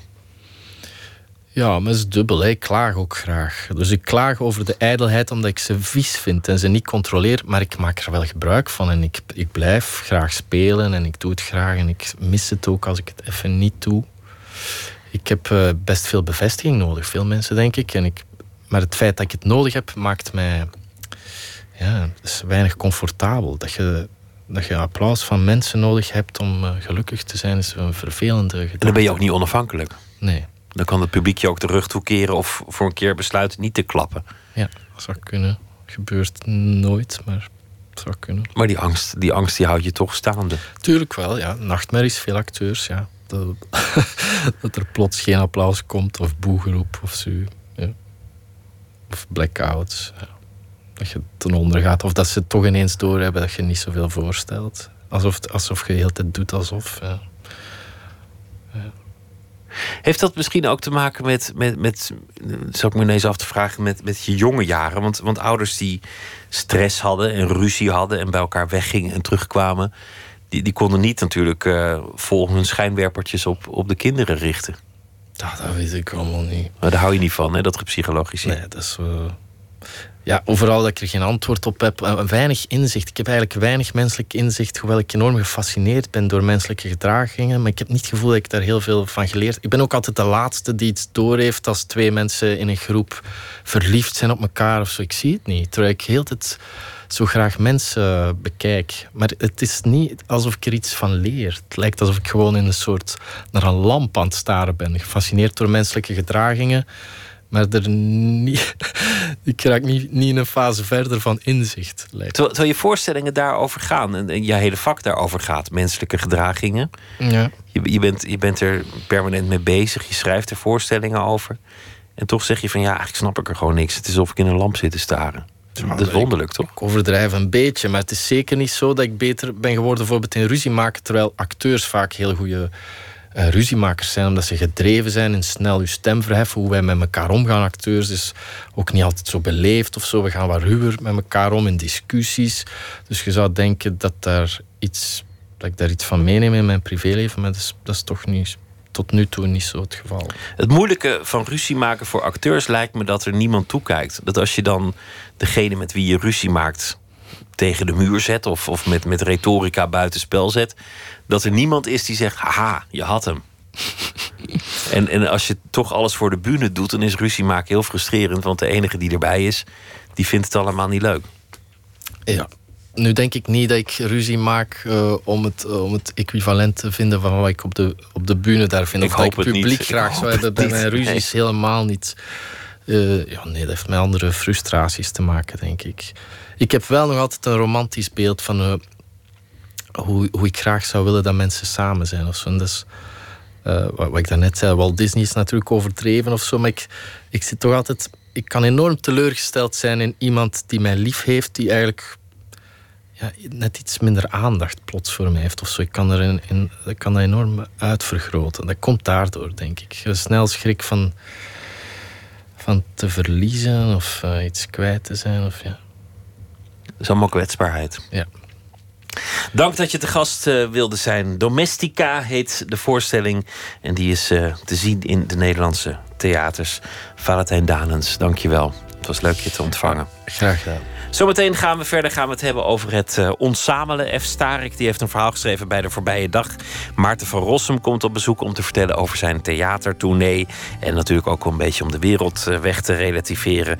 En heel veel andere dingen. Twitter, VPRO NMS. We zitten op Facebook. En u kunt zich abonneren op de podcast via iTunes of de website van de VPRO. vpro.nl slash nooit meer slapen.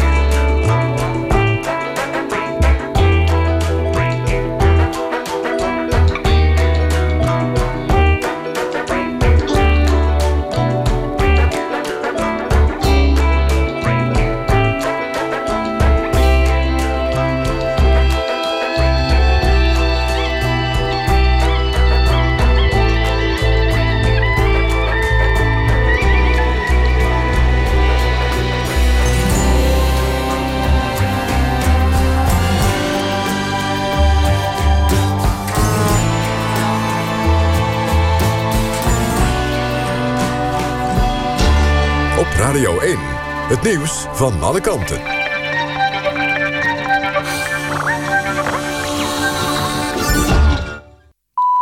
1 uur, Ewout de Jong met het NOS-journaal. De Amerikaanse kandidaat-minister van Justitie Jeff Sessions... heeft voor de Senaat gezegd dat hij geen racist is. Hij was de eerste van negen kandidaat-ministers... die door de Senaat aan de tand worden gevoeld. Sessions werd onder meer ondervraagd over uitspraken in de jaren 80.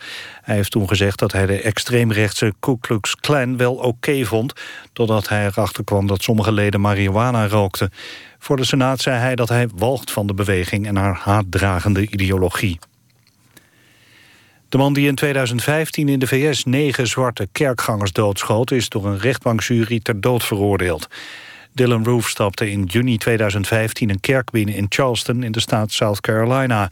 Hij nam deel aan een bijbelstudie en opende bij het slotgebed... het vuur op andere deelnemers. Negen mensen werden gedood. Bij zijn arrestatie zei hij dat hij een rassenoorlog had willen ontketenen. Beeldend kunstenaar Daan van Golde is overleden. Hij was al enige tijd ziek, meldt RTV Rijnmond. De kunstenaar uit Schiedam maakte vooral naam met popart en abstract werk. Onder kenners waren zijn werken zeer geliefd. Vorig jaar werd nog ruim 270.000 euro betaald voor een schilderij van hem. Daan van Golde was 80 jaar oud. Rusland heeft niet alleen de verkiezingen in de VS geprobeerd te beïnvloeden... maar ook die in andere landen. Dat heeft de chef van de Amerikaanse inlichtingendiensten gezegd... op een hoorzitting van het congres. Volgens James Clapper hebben Russische hackers het ook voorzien... op de aanstaande verkiezingen in Nederland, Duitsland en Frankrijk. Maar die landen zijn zich daar wel van bewust, zei hij. Het weer, vannacht op de meeste plaatsen droog en wat opklaringen. Minima in het binnenland rond 2 graden. Vanochtend enige tijd regen met vooral in het noorden een stevige wind. Smiddags wat opklaringen. En vanaf donderdag kouder en wisselvalliger en kans op winterse neerslag. Dit was het NOS Journaal. NPO Radio 1. VPRO. Nooit meer slapen.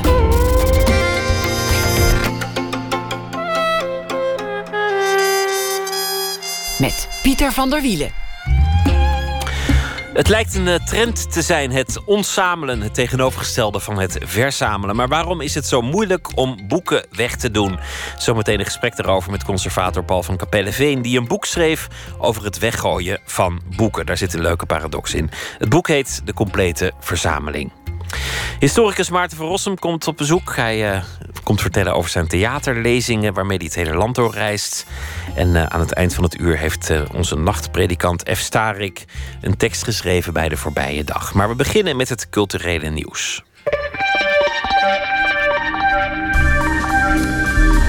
Wat er vandaag uh, allemaal gebeurde, min of meer. Vandaag werd bekend dat de Nederlander vaker dan voorheen naar de bioscoop gaat. Vaker dan voorafgaande jaren in ieder geval. Maar de Nederlandse film die wordt vermeden. Daar wordt met een grote boog omheen gelopen. Grote uitzondering was Soof 2 dit jaar. Met ruim 500.000 verkochte kaartjes. De best bezochte Nederlandse film. Daarna volgen nog Rokjesdag, Woezel en Pip de film. Althans als het gaat over de Nederlandse films. Morgen verschijnt Kuifje in het land van de Sovjets voor het eerst in kleur. Dat lijkt misschien niet zo opmerkelijk, maar het is het eerste stripalbum met de avonturen van Kuifje. En het was het laatste deel dat enkel nog in zwart-wit bestond. En vanavond kwam het eh, bericht naar buiten dat pop-up kunstenaar Daan van Golden op 80-jarige leeftijd is overleden. God als een van Nederlands belangrijkste kunstenaars is onder meer bekend geworden met iconische schilderijen waarop hij zakdoeken naschilderde. En hij wordt dus ook gezien als een van de belangrijkste Nederlandse kunstenaars van na de oorlog. Maar dat zei ik al. Cultureel nieuws kan ook slapeloze nachten veroorzaken. En wat houdt uh, de kunstenaar uit zijn slaap? Het uh, Friese hinderlopen heeft zich lange tijd verzet tegen het kunstproject Eleven Fountains. Een soort culturele elfstedentocht. NRC meldt dat het stadje nu uiteindelijk toch overstag is. Hinderlopen krijgt een fontein. Artistiek leider Anna Tilroel, goeienacht. Goeienacht. Ja, u, ja. Kende, u kende Daan van Golden ook goed, zag ik op zijn website. Dus, dus ik bel u op een vreemd moment waarschijnlijk. Nou, het is inderdaad heel, heel uh, droevig, uh, droevig bericht. Hij, uh, hij is een, zeer toonaangevende kunstenaar, kunstenaar geweest... die hele bijzondere dingen heeft gedaan. Dus het is een groot verlies voor de Nederlandse kunstwereld, dat zeker, ja. Maar er was ook nog dat andere nieuws waar, uh, waar zoveel werk in is gaan zitten. De, de culturele ja. Elfstedentocht. Ja. Leg eerst even uit wat ik me daarbij moet voorstellen. Een culturele Elfstedentocht. Um, er komt in... in, in het, dat, dat hoort bij, uh, bij uh, Leeuwarden Culturele Hoofdstad in 2018. Um, en um, in het kader daarvan komen in ieder van de elf steden van de, van de, van de Friese elfstedentocht komen, komt een fontein gemaakt door een internationale topkunstenaar. En de bedoeling daarvan is uh, om uh, cultuurtoerisme uh, in Friesland op gang te brengen. Want Friesland heeft elf prachtige steden met kunstschatten die teruggaan tot de vroege middeleeuwen en doen daar eigenlijk heel weinig mee. En ik dacht, een, een project wat, wat cultuurtoeristen uit de hele wereld aantrekt... die, die zet ook dat aspect van Friesland uh, meteen in het, uh, in het zonlicht. Dus het is uh, dan wel heel belangrijk dat alle elf steden meedoen. Hoe is dat nu? Want, want het was een, een enorm gedoe om hinderlopen over de streep te krijgen. Uh, eerst ja. één kunstenaar uh, toch niet en toen een andere kunstenaar toch wel. En, en eindeloze ja. avonden, eindeloze debatteren. Slaapt ja. u nu een stukje geruster nu hinderlopen meedoet met het project? Uh, ik en mijn hele team zijn euforisch. hinderlopen is... is... mee en, en daarmee... Ja. Anders zou het, het, zou het tien steden zijn. Dat is ook weer zo wat. Dat kan niet. Dat kan niet. Hè? Dus maar één elfstedentocht. Uh, ook, ook als het om, om cultuur gaat, is er maar één elfstedentocht. Dat is zo uniek in de wereld. En, uh, en elf fonteinen met elf topkunst, internationale topkunstenaars... in combinatie met die elf historische steden. Ja, dat, is, dat kan niet missen. Dat is uh, heel bijzonder. Een en mooi project wordt het. Is, wat zegt u? Een mooi project wordt het. Ja, en het leuke is dat de hinderloper, hinderloper, de inwoners van hinderlopen, die zeggen wij hebben het mooiste ontwerp. Maar dat zeggen ze ook uh, in, uh, in Borkum en in Sneek en in Bolsward. Dus we gaan de goede kant op. Ik wens u een hele goede nacht en dank, Anna dat gaat lukken. Dat gaat Goeienacht. lukken. Dank u wel. Goeienacht u ook.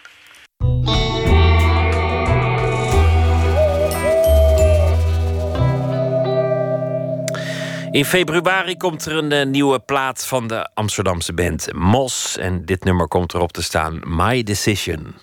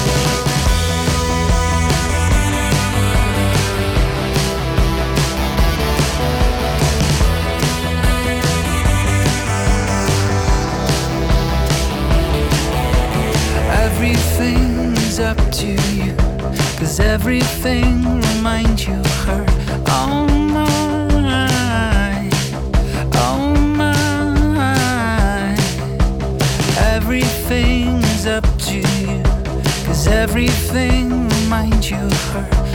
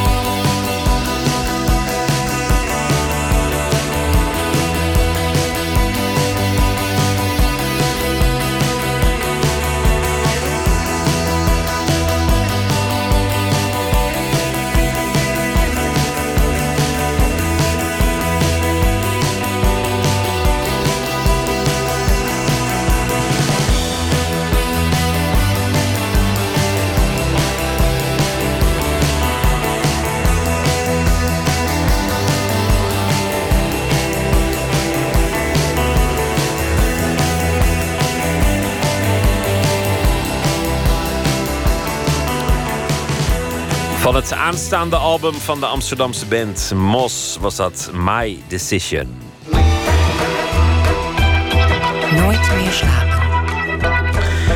Je hebt mensen die het niet over het hart kunnen verkrijgen om een boek weg te doen. Zelfs al hebben ze er zoveel dat het huis onbegaanbaar wordt en verstoft het boek. Of is het inmiddels knaagvoer voor zilvervisjes. Verslaggever Matthijs Deen kan zelf ook maar moeilijk afstand doen van de berg boeken in zijn huis. Hij wendde zich tot Paul van Capelleveen, conservator bij de Koninklijke Bibliotheek in Den Haag. Die in het nieuwe boek De Complete Verzameling een paar hoofdstukken heeft opgenomen over het weggooien van boeken. Ik las het nu ook in de krant, misschien heeft u het ook gelezen, in Trouw. Dat zelfs in de meest toegewijde kringloopwinkel die zich ontfermt over uit huis gezette boeken, noodgedwongen een deel van wat is ingezameld in een open container terechtkomt, waar de regen erop neerdaalt tot de vrachtwagen komt om het weg te halen. Ook mijn boekenkasten zijn vol. Er liggen stapeltjes voor op de grond. Misschien moet ik opruimen. Ik stel het uit. Ik wil er niet aan. Toen ik zag dat Paul van Capelleveen in zijn boek een paar hoofdstukken had gewijd aan hoe mensen hun boeken zoal wegdoen, wat ze erbij denken, wat hun overwegingen zijn, wilde ik hem mijn dilemma's voorleggen. Ik nam een paar boeken uit mijn kast waar ik over twijfel en spoorde naar de KB in Den Haag. Onderweg, in de volle trein, zag ik één mevrouw een boek lezen. De rest van de reizigers telefoneerde, luisterde muziek, tikte dingen in hun telefoontjes, vooral dat laatste. Met een zware rugzak vol boeken liep ik naar de Koninklijke Bibliotheek. En onderweg dacht ik, ik hou van die boeken, maar ja, waarom eigenlijk? Ja, maar kijk, dat komt natuurlijk omdat die boeken voor een in ons hoofd zitten. De inhoud. En, en deels ook aan onze herinneringen vastgekleefd zijn. Dus je, als je een boek uh, weet, dan weet je meestal nog waar je het gekocht hebt en waarom en met wie je was en, enzovoort. enzovoort. Zeker als het in het buitenland gekocht is voor een bijzondere reis of als je verliefd was of dat soort dingen. Dus zit, onze herinneringen zitten daar ook aan. Dat maakt deels, denk ik, het moeilijk. Um, maar verder zijn boeken natuurlijk toch wel ook gewoon gebruiksgoederen. Dat vergeten we wel eens, maar het is ook gewoon zo. Maar je bent natuurlijk gewoon een barbaar als je een boek weggooit. Dat vinden mensen van zichzelf, ja. Maar dat is ook een overblijfsel uit de tijd dat je dat niet hoefde te doen. Denk ik ook. Ik denk dat mensen over 100 jaar er heel anders over, over denken. Je moet natuurlijk wel uitkijken dat je nou niet als, als conservator van de KB degene bent oh, die zegt van... Wij, wij gaan geen boeken weg doen, maak je geen zorgen. Als ze eenmaal hier zijn, dan doen we ze niet meer weg. De conservator gaat mij voor een zaaltje in waar allerlei zeldzame boeken liggen. Met een zwaar hart begin ik mijn rugzak uit te pakken. En de eerste boeken die tevoorschijn komen zijn studieboeken. Waarom bewaar je die studieboeken inderdaad? Eigenlijk wil ik het aan jou voorleggen. Want ik vind het moeilijk om weg te gooien. Maar ik denk, als er iets weg kan, dan zijn het deze boeken. Ja, alle, alle zelfhulpenboeken ben zijn het helemaal met je eens. Die zijn een paar categorieën die ze zo, zo van de planken rukken... en, en het liefst in het vuilnisvat gooien. En dat zijn inderdaad studieboeken. En uh, uh, gidsen, toeristengidsen, zoals jij ook van Japan hier hebt. En, en, ik heb ooit gedacht, ik wil naar Japan. Ja. Maar ik heb die droom... Nog niet waargemaakt, dus die kun je nog niet wegdoen. Hè? Dus dat is een probleem. Want dan wil je nog naartoe, dus je kast met dromen. Dat, maar dat, kijk, je gaat die studieboeken natuurlijk... die hebben, die hebben twee problemen. Ten eerste, uh, jij gaat ze niet meer doorlezen voor je studie. Dus je hebt er eigenlijk niet meer nodig. Iets anders is dat ze meestal verouderd zijn. Studieboeken worden natuurlijk steeds bijgewerkt. Dus de, de nieuwste generatie wil de laatste bijgewerkte druk hebben... en niet waarschijnlijk de tweede druk uit 1970 of zo. Ik noem maar wat. Goed, dus de... Dat geldt voor reisgidsen ook. Reisgidsen verouderen natuurlijk heel snel. Maar als je de reis niet eens gemaakt hebt, dan, zit je, dan is, heeft het een heel andere functie natuurlijk. Deze staat naast Chili en die staat naast Canada. En dan ben je wel geweest? Nee. Ook niet, oké. Okay, okay. Nee, maar nee, dan, dan word je. Dat wordt een dromenkastje. Maar het wordt ook een, een, herinnering aan. Ja, toch dat je die dromen niet hebt waargemaakt. Dus. Nee, maar dat kan dus altijd nog gebeuren. Dus dat, dat, kijk, wat uh, de zelfhulpboeken daarover zeggen is uh, weggooien wat, wat je niet meer leest. Of zelfs niet meer half leest.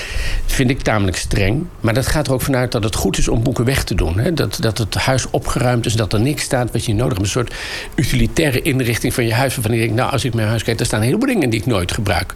Mm. En dat is maar goed ook. Het, het, gaat uit van een idee dat je een perfect leven moet leiden... waarin alles alleen maar uh, een functie heeft. Maar boeken hoeven niet elke dag een functie te hebben natuurlijk. Ze zijn ook heel geduldig. Dat boek van Breiten Breitenbach een man waar ik ontzettend veel bewondering voor heb. Ja. Ik weet zeker, dat ga ik nooit meer lezen. Dat weet je nooit. Mijn maar... ervaring is dan, als je het uh, de deur uit hebt gedaan... Uh, dat je dan een week later moet je een reportage voor iets maken... en dan heb je toch even Brett en Breitwacht nodig... en dan denk je, godverdomme, ik heb dat boek net weggedaan. Moet je het opnieuw kopen. Punt is... Ah, kijk aan, er staat een opdracht in. Ja, kijk, dat verandert de hele zaak natuurlijk weer. Dus dat boek, dat kan ik, dus, dat kan ik gewoon niet weggooien, toch? Uh, weggooien zou ik niet doen. Uh, maar een opdracht van Breed en Beterbach is natuurlijk nog wel wat waard voor verzamelaars. Het is al, dus dat, dat, zou je kunnen, dat zou je kunnen verkopen in plaats van weggooien, zou ik maar zeggen. Er zit nog iets tussen dan. Hè? Nee, dat zou ik misschien erger vinden Omdat dan je- weg. maar heb je het gekregen van hem of had je het expres afgekocht? Dit boek is van mijn schoonmoeder. Oké. En dat had ik van haar geleend voor de, voor de gelegenheid, omdat Ja, ja, ik hem interviewde. het ingewikkeld. En toen heeft hij er iets in gezet. En toen heeft mijn schoonmoeder gezegd... nou, dan moet jij dat boek natuurlijk hebben. Ja, dan is het jouw boek geworden, inderdaad. Ja, nee, opdrachten, dat, dat kan je natuurlijk... En, en ook eh, handschriften die bijvoorbeeld van mensen gekregen. In het algemeen vind ik zelf altijd... als je een boek gekregen hebt, kan je het eigenlijk niet verkopen. Maar dat is niet een overtuiging die iedereen heeft natuurlijk. Hè. Dus er zijn ook wel mensen die gewoon gekregen boeken... gewoon vervolgens verkopen. Bijvoorbeeld als je kijkt naar die grote verkoop destijds... van de collectie van Boudewijn Buug. Maar heeft al eerder boeken ook verkocht. Daar staat ook gewoon opdrachtexemplaar aan hem in. Die had hij echt gekregen en die heeft het gewoon verpatst. Dan kan je hem beter offeren dan dat je hem verpatst. Nou, offeren, dat bedoel je weggooien? Ja. Nee, dat zou, ik, dat, dat, zou ik dan, dat zou ik dan ook weer niet goed vinden, omdat er een opdracht in staat. Maar waarom zou je het eigenlijk weg willen doen? Want jij zegt ruimtegebrek, maar dan denk ik, nou, dat zal wel meevallen, toch? Nou. Kun je, kun je niet meer over de boeken je bureau vinden? Nou, Staan- staan de gangen helemaal vol? Zo erg is Zo het gaat het met boekenverzamelaars bijna nooit. Ik ken maar één voorbeeld, dat is Martin Ros... die dan zo'n garage heeft... waar hij dan zo'n plastic zak net nog in kan gooien... en dan moet het gauw dicht, weet je wel. Dat zijn...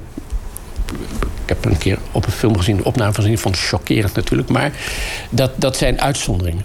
Van mij hoef je niks weg te doen. Maar als jij dan niet meer bij je kast kan komen, heb je natuurlijk een probleem. Of als je je boeken gewoon niet meer...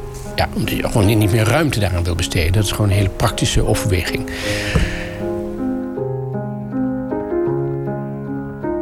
Ooit las ik Honger van Knut Hamsun. Dat was eh, toen ik studeerde. En ik was enorm van onder de indruk eh, van dat boek. Sindsdien heb ik ehm, dat boek in verschillende... heb ik hem in het Engels en dit is in het Noors. Dus... ehm, maar Lees je Noors? Nee. Nee, nee, leuk. Ja. Nee, ik- kan niet eens lezen. geworden. Ja, kijk, als je dus dingen gaat eh, kopen die je niet kunt lezen... Dan, dan ben je wel een verzamelaar geworden. Eh, en nu is het moment dat ik Maar denk... Je hebt, dus, je hebt dus thuis een heel Knoet Hamsun plankje. Neem ik aan. Ja, Of een hele kast. Het is voor mij een eerbetoon aan dit boek en wat hij daarin gedaan heeft en wat ik daarvan geleerd heb. Dus daarvan zeg jij, eh, ook al kan ik het niet eens lezen, ook al is de, de uitgave waardeloos, jij zegt houden. Nee, ik geef geen advies. Hè. Daar, daar kwam we niet voor. ik, ik geef nooit adviezen. En ik zeg ook niet wat het waard is. Want ik zit in de bibliotheek. De boeken hebben geen waarde voor ons. Eh, Behalve als we ze moeten kopen natuurlijk. Maar dat is, dat is een prijs, dat is geen waarde. Nou, laten we zeggen dat het gesprek wat we erover hebben, dat, Ja. dat, dat neem ik mee in mijn Ik, ik, ik afweging. citeer, ik citeer wat, wat, wat, onze, wat men zegt. Vrouwen voornamelijk waren het trouwens, die opruimers, die boeken daarover schrijven.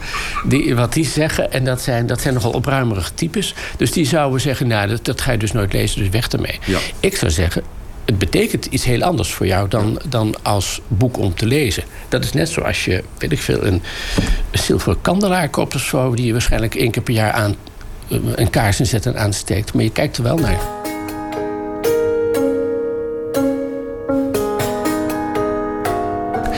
Dus wat je kan doen is, wat ik zelf doe... ik heb zelf een, eh, inderdaad ook een, een, thuis dan een, een, politiek geïntroduceerd. Ik wil gewoon ook dingen aan de wand kunnen hangen. eh, schilderijen, eh, prenten.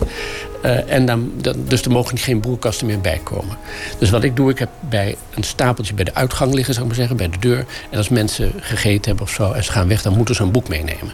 En de meeste mensen vinden dat leuk, want dat zijn natuurlijk onverwachte cadeautjes. En dat zijn ook, het is ook geen beschimmelde rommel, zal ik maar zeggen, want die heb ik niet in huis.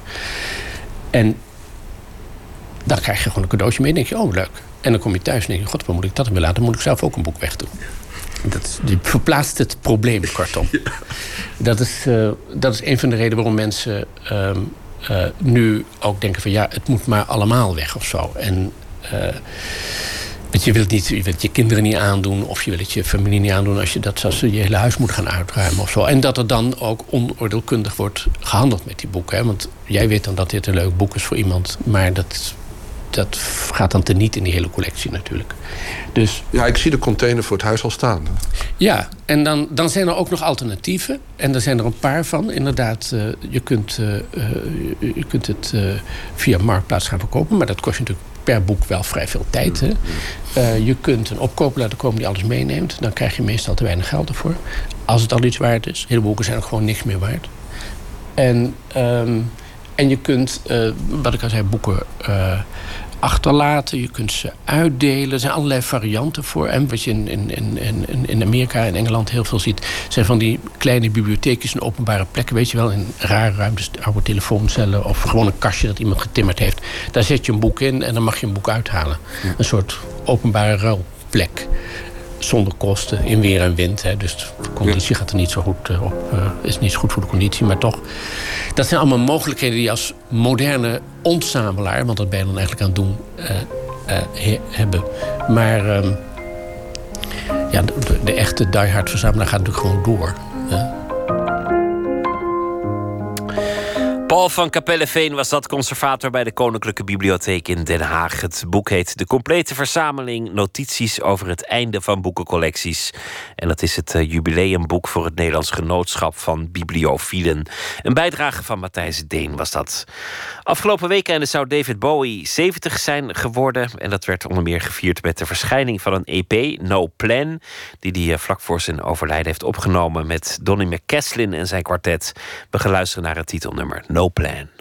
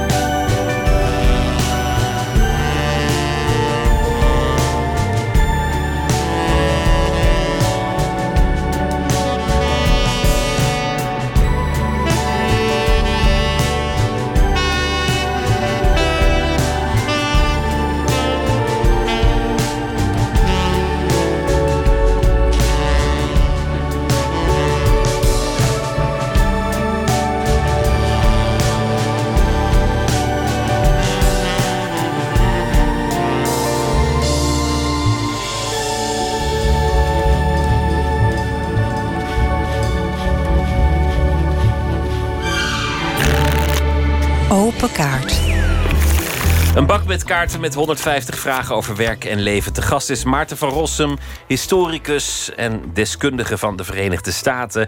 Heeft ook tientallen boeken op zijn naam staan, waaronder Waarom is de burger boos? Heeft geschiedenis nut? En eh, zijn magnum opus, de geschiedenis van de Verenigde Staten van Amerika. Momenteel eh, is hij op reis langs Nederlandse theaters om daar met een eh, voordracht een en ander te relativeren. Maarten van Rossum, hartelijk welkom. Dank je. Lukt dat zelf nog eigenlijk, dat relativeren? Ik heb, het, is een, een eigenschap van je. Je bent er nooit in tekort geschoten, maar de laatste maanden is er zoveel gebeurd. Ja, dat lukt toch prima. Ik, hou mij bij mijn stelling dat het bijna altijd zo is dat bijna iedereen ongelijk heeft. En ik denk ook dat het, de huidige extreem pessimistische stemming. eh, Zeker in het Westen, want het is vooral een verschijnsel wat zich in het Westen in de ruimste zin van het woord voordoet. Dus de Verenigde Staten, West-Europa. Eh, in veel mindere mate natuurlijk in Azië, omdat ze daar in een hele andere fase verkeren. Ik denk dat dat pessimisme nogal overtrokken is. Dat er in allerlei opzichten weinig, veel minder reden voor is dan men denkt. In de Verenigde Staten eh, zijn mensen, althans eh, de, de democratische helft van het land, die, die zijn de wanhoop nabij. En de commentaren die zijn onvoorstelbaar somber. Ja, dat is eigenlijk een vrij eigenaardige zaak als je beseft dat de Democraten die verkiezingen vrij ruim gewonnen hebben. Dat ze ze verloren hebben ligt aan het feit dat Amerika een van de meest krankzinnige electorale systemen ter wereld toepast. Die het inderdaad mogelijk maakt dat de winnaar van de verkiezingen tenslotte de verliezer van de verkiezingen is. Want Hillary heeft tegen de 3 miljoen stemmen meer gekregen dan Donald Trump. De popular vote gaat het dan Ja, om. dat is de popular vote. Maar hebben ze gelijk in, in, de, in de paniek nu Trump aan de macht komt, of zal het allemaal meevallen? Dat weet ik niet. Trump is een volstrekt onvoorspelbare figuur. Ik denk dat hij dat zelf ook helemaal niet weet. Hij heeft eigenlijk geen idee. Hij heeft geen duidelijke beleidsagenda. Behalve een aantal punten waarvan we nog maar af moeten wachten. of die gerealiseerd kunnen of, of door hem willen worden. Eh, ik denk dat hij zelf toch primair de, de begaafde kletsmajor, de tv-entertainer is die die ook in de campagne was. En dan is het maar de vraag of die keihard achter een specifieke agenda aan zal gaan in de komende jaren. Maar ik, ik geef het voor beter. Het is, we hebben zelden een zo onvoorspelbare figuur gehad. De theatershow, want dit is eh, niet de eerste keer dat je dat doet. Eh, op, op reis gaan langs de theaters. Wat, wat is het eigenlijk? Ben je eh, komiek, historicus? Is het een voordracht? Is het een college? Het heet Theatercollege, op mijn uitdrukkelijke verzoek.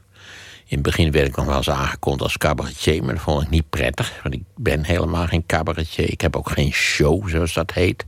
Ik, ik, het is een soort conversatie die eh, grotendeels gaat over de politiek in de ruimste zin van het woord. Dat betreft zowel Europa, de Europese Unie, als Nederland. Wij naderen ook weer eh, nieuwe verkiezingen natuurlijk. En het is eigenlijk de krankzinnigheid van de politiek... die in allerlei opzichten ruim voldoende grappen produceert... zonder dat ik er eigenlijk één hoef te verzinnen. Die komen vanzelf. Ja, Als je, de, actualiteit is, is al grappig. Ja, de actualiteit is meestal enorm grappig. Is het heel anders dan een college geven, zoals je decennia Ja, lang hebt wel- gedaan? Het is wel anders dan college geven, omdat het een veel vrijere vorm is in allerlei opzichten. Kijk, college geven is toch dat je in acht weken de Koude Oorlog er doorheen moet zien te krijgen. Eh, Dat kostte mij altijd al aanzienlijke moeite om, om. Ik ben relatief lang van stof. En in, de, in het theater kun je elke associatieve inval die je hebt, die kun je in principe eh, gebruiken. Kun je zeggen: Goh, het valt me net in dat. Weet ik veel, Buma zus of zo zei. Eh, daar kun je alle kanten mee op. Dus het is een, eh, het is een hele aangename vorm van, eh, van spreken, vind ik.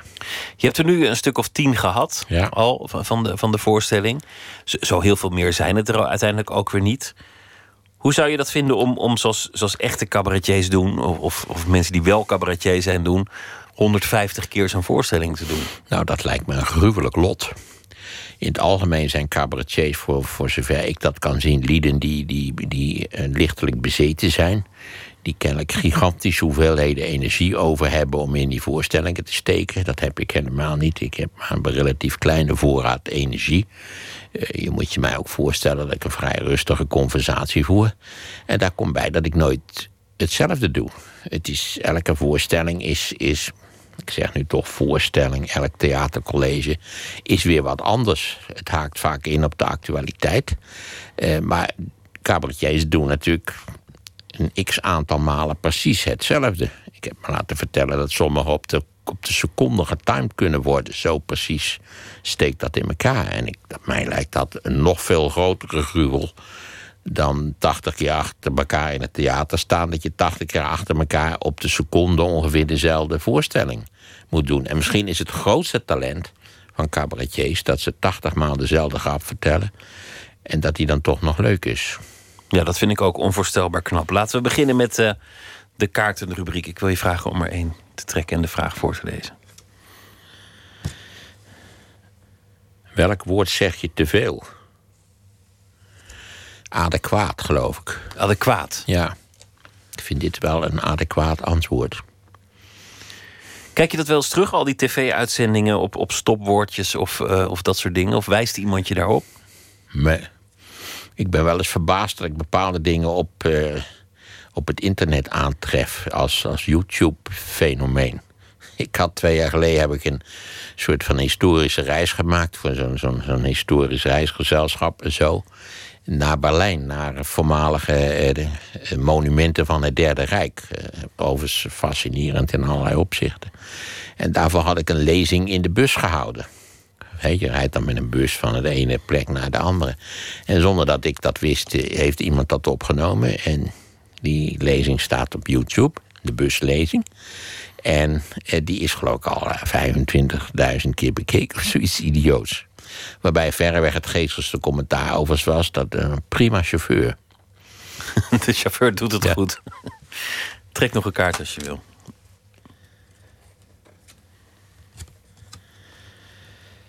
Wat is een persoonlijke daad van rebellie geweest?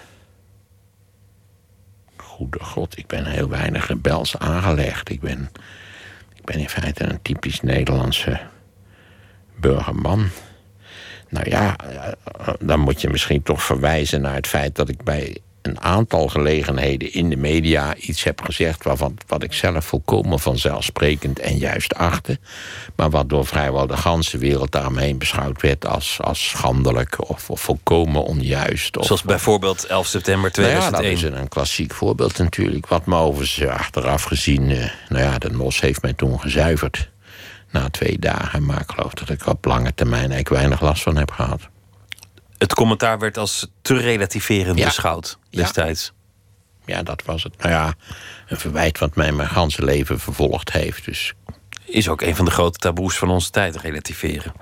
Ja, vooral natuurlijk omdat de moderne media, vooral het hele 24-7 fenomeen van de moderne media, in, in, in, in, in hoge mate een neiging heeft tot, tot hysterie. Gestuurd ook door een wonderlijk soort van obsessief kluitjesvoetbal, wat men in die kringen eh, kennelijk voor, voor de juiste reportagetechniek houdt. Het is. Het, gek genoeg eh, vind ik dat de media eigenlijk bij vrijwel alle belangrijke gebeurtenissen vrijwel alles fout doen. En ik heb er nog eens een lezing over gehouden op de, die school voor de journalistiek in Utrecht. En zei ik, ik ben bereid om eenmaal per maand geheel en al gratis te komen spreken... om jullie uit te leggen wat jullie die maand nou weer verkeerd hebben gedaan. Maar ze hadden er geen enkele belangstelling voor. Laten we nog een vraag eh, trekken. Zo gaan we dan wel qua tempo doorheen. Wat was een moment van triomf? Nou, eh, op een goed moment besloot mijn baas, Herman van der Dunk, op te houden met college geven. Had er helemaal geen zin meer in. Het waren domme schapen. En, nou ja. en toen eh, vroeg hij aan, aan zijn staf: wie van jullie wil dat van mij overnemen? En toen viel er een diepe stilte. Ik was niet de oudste van zijn medewerkers. En toen heb ik toch na enige, na, nadat de stilte enige tijd geduurd had, ze nou, ik wil het wel doen. En ik was daar wel eh, gespannen over eigenlijk. Ik kan me ook nog goed herinneren dat ik voor het eerst die collegezaal binnenliep, die overigens al lang weer afgebroken is.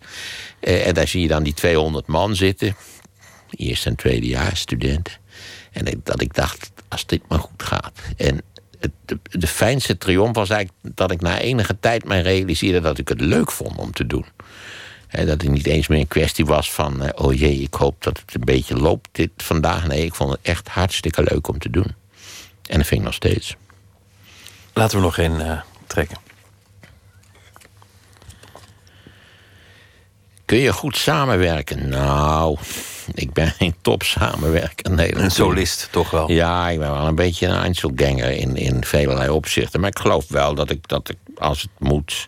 Ik ben geen ruziemaker. Of, ik ben ook niet iemand die op zijn strepen staat en dat soort van dingen. Maar als het kan worden vermeden, dan, eh, dan zal ik dat doen, ja. Het liefst toch thuis op de werkkamer en dan de hele dag door met CNN aan en andere kanalen boeken lezen. Ja, hoewel mijn CNN-verslaving echt vrij ingrijpend eh, genezen is. Dat ben al heel lang geleden hoor. Wat, wat is daarvoor de plaats gekomen? Eh, heel even een BBC World-verslaving.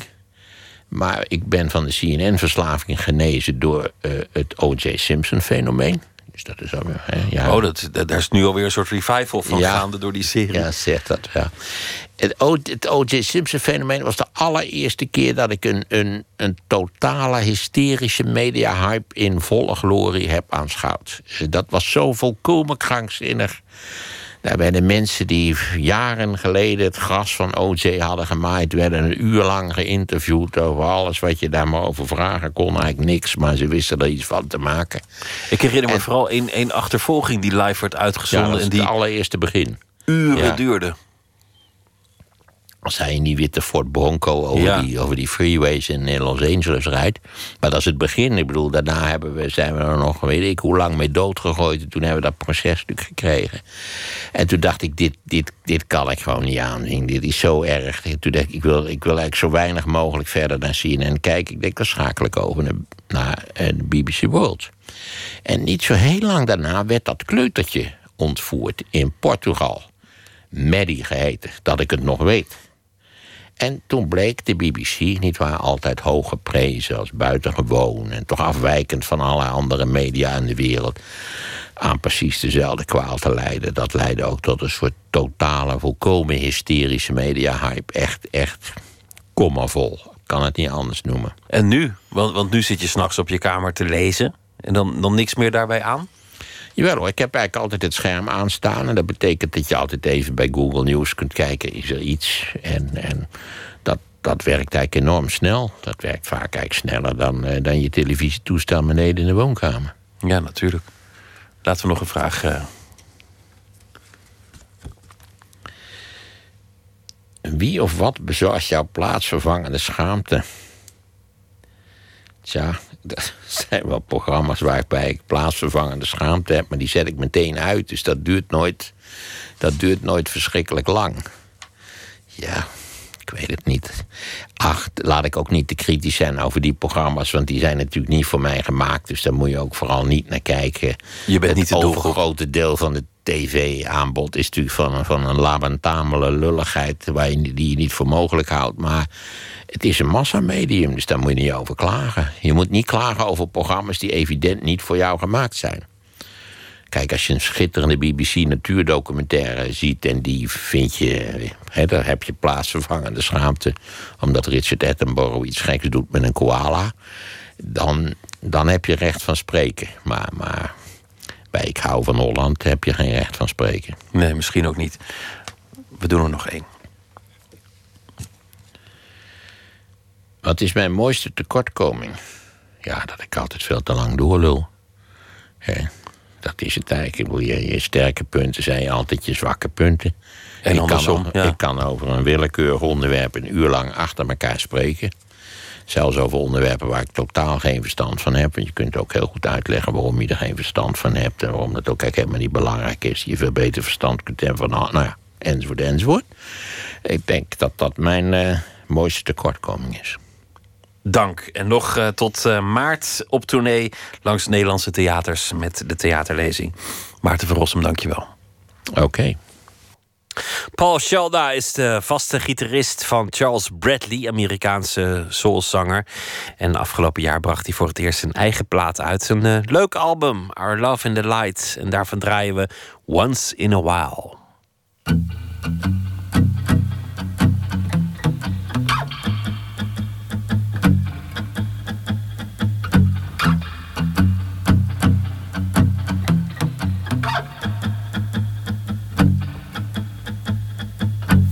Once in a while.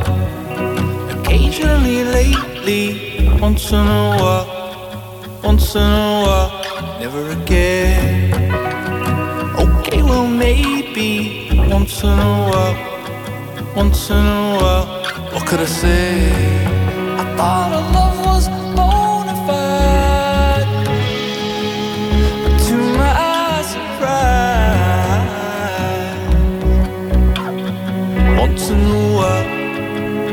once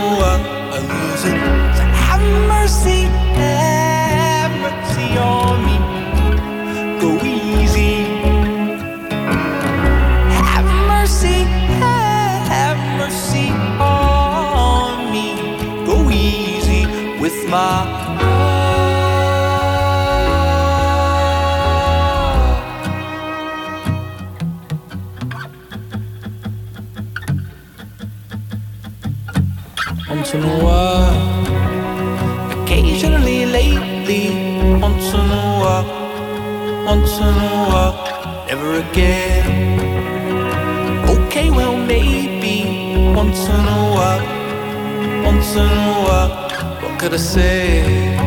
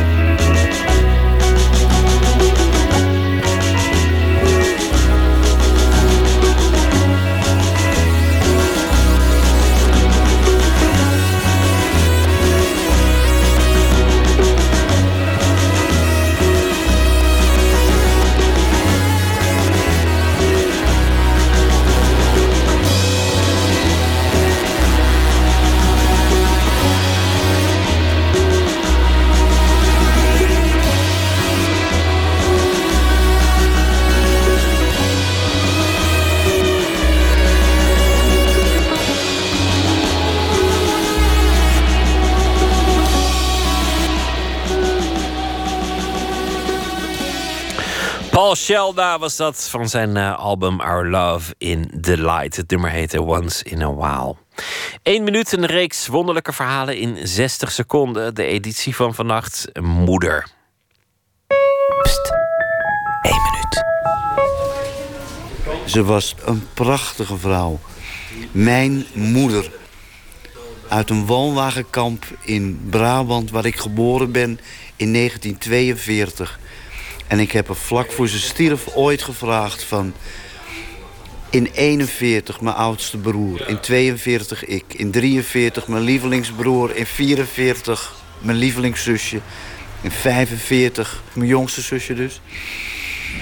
En ik zeg, waarom deden jullie dat? Jullie wisten toch, er stond prikkeldraad om dat woonwagenkamp.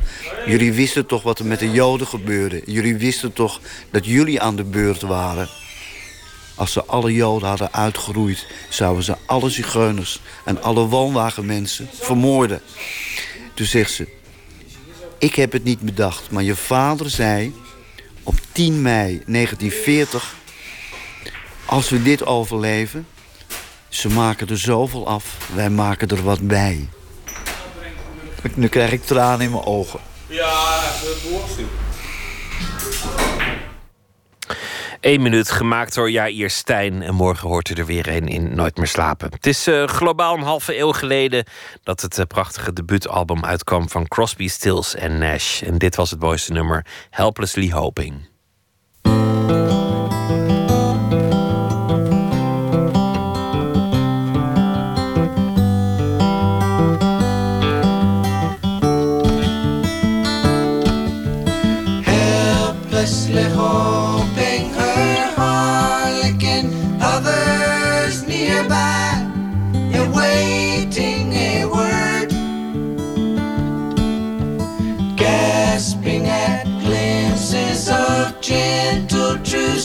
rabbit, he runs, wishing he could fly, I only to trip at the sound of goodbye.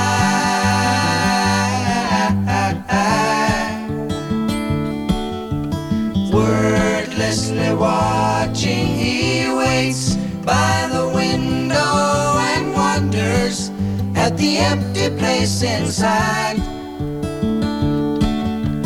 Heartlessly helping himself to her bad dreams, he worries. Did he hear a goodbye? Or even hello? They are one person, they are two alone, they are three together, they are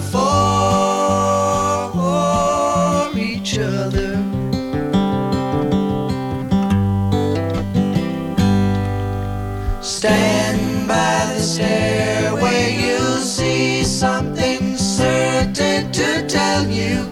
Confusion has its cost. Love isn't lying, it's loose in a lady who lingers, saying she is lost and choking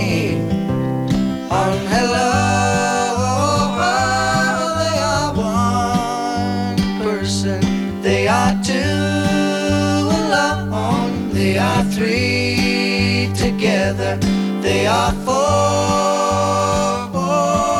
each other.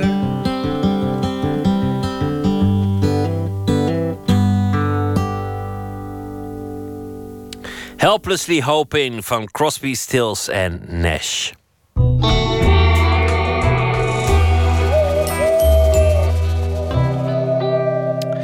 We eindigen de aflevering met F. Starik, onze nachtpredikant deze week. Hij zal een verhaal schrijven bij de voorbije dag. Hij is in het dagelijks leven dichter en schrijver. F. Starik, goeienacht. Goedenacht. Wat was het eh, voor dag die we afsluiten? Het was een verdrietige dag, Pieter. Waarom? Hij handelt over kleine criminaliteit. Aha, Zal ik het u met u delen? graag. Dinsdag. De telefoon gaat over. Vroeg in de ochtend, te vroeg, naar mijn smaak. Ik draai me nog eens om, nog een keer en weer. Je weet toch, mijn lief, dat ik deze week nachtdienst heb. Ik besluit dat het dringend moet wezen. Er is ingebroken op de tuin. Haar volkstuintje. In de loop van de winter wordt het hele complex systematisch afgewerkt. Buurvrouw meldt dat ze zelfs haar pannenset hebben meegenomen. Nu ja, meegenomen. Een van de pannen drijft nu in de sloot die haar tuin van de onze scheidt. Lief zegt dat ik moet komen. Nu meteen moet komen. Ze is bang, zegt ze, voor wat ze aan zal treffen. Dat de inbrekers hun intrek in ons huisje hebben genomen. Gonzend fiets ik door de stad. Ik kom opmerkelijk veel paardenvijgen tegen, grotendeels al platgereden, maar als zodanig nog duidelijk herkenbaar. Alsof er vannacht een invasie is geweest. Als de mensen zijn gaan slapen, komen de paarden tevoorschijn. Galopperen door de straten. Ik weet het zeker. Ik heb het zelf gezien. En als u, luisteraar, nu naar buiten gaat, zult u ze zeker tegenkomen. Lief staat bij de ingang van het complex met een zwaar beugelslot in haar hand. Dat wordt vechten. Ze zegt dat de elektrische heggenschaar die ik haar vorig jaar cadeau gaf verstopt is in de kast bij het raam. Die moet ik dan grijpen als het al lukt ons huis binnen te dringen. Ze hebben de heggenschaar vast met kruiwagen en al weggereden. Die kruiwagen heeft ze dit voorjaar van mij cadeau gekregen. Ik ben erg romantisch in verjaardagscadeaus. Maar volgend jaar krijgt ze van mij een paard. Een paard dat ik dan zelf s'nachts in de stad ga vangen. F. Starik, een afsluiting van een eh, droeve dag die handelde over kleine criminaliteit. Nou, het mooiste was, eh, Pieter, dat er niet eens was ingebroken. De moraal van het verhaal is dat het allemaal goed komt. Mooi. Dat zegt de nachtpredikant. Dat hoor ik altijd graag. Goeienacht en graag weer tot morgen. Dankjewel. Hi, dag. Agnes Sobel komt uit Denemarken. Ze staat in mei in Utrecht in Tivoli Vredeburg. De eerste avond is reeds uitverkocht, maar een extra show is al bevestigd. En dit is van haar nieuwste album Familiar.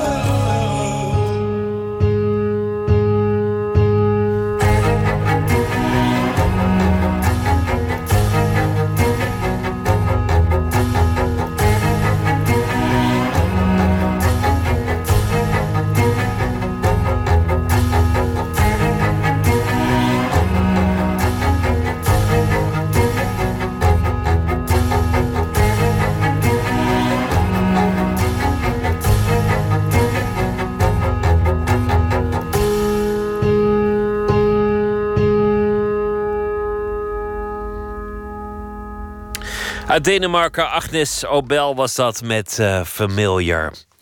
Ik stel voor dat we daar achteraan maar meteen nog even gaan luisteren naar Howling Wolf. Dat de tijd het gewoon toestaat. Smokestack Lightning.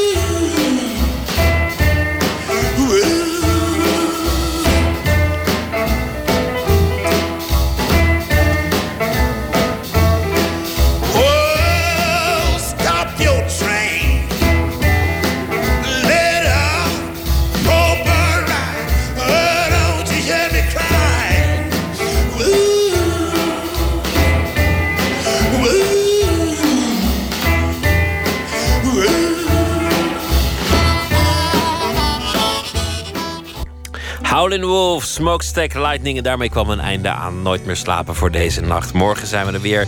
Kunstenaarsduo Ella Raven komt langs. De tweelingzussen Angelique en Liesbeth. Die internationaal beroemd zijn geworden. Met hun acts en installaties waarin het altijd gaat over lichamelijkheid en het lichaam. En eh, morgen zijn ze hier eh, te gast vanwege een, nieuwe tentoonstelling in Arnhem. Een nieuwe installatie Wild Zone 3 zal daarin eh, première gaan. En daarin gaat het ook weer over lichamelijkheid. Dat morgen in Nooit meer slapen. Voor nu een hele goede nacht en graag weer tot morgen. En zometeen op deze zender Omroep WNL. Veel plezier.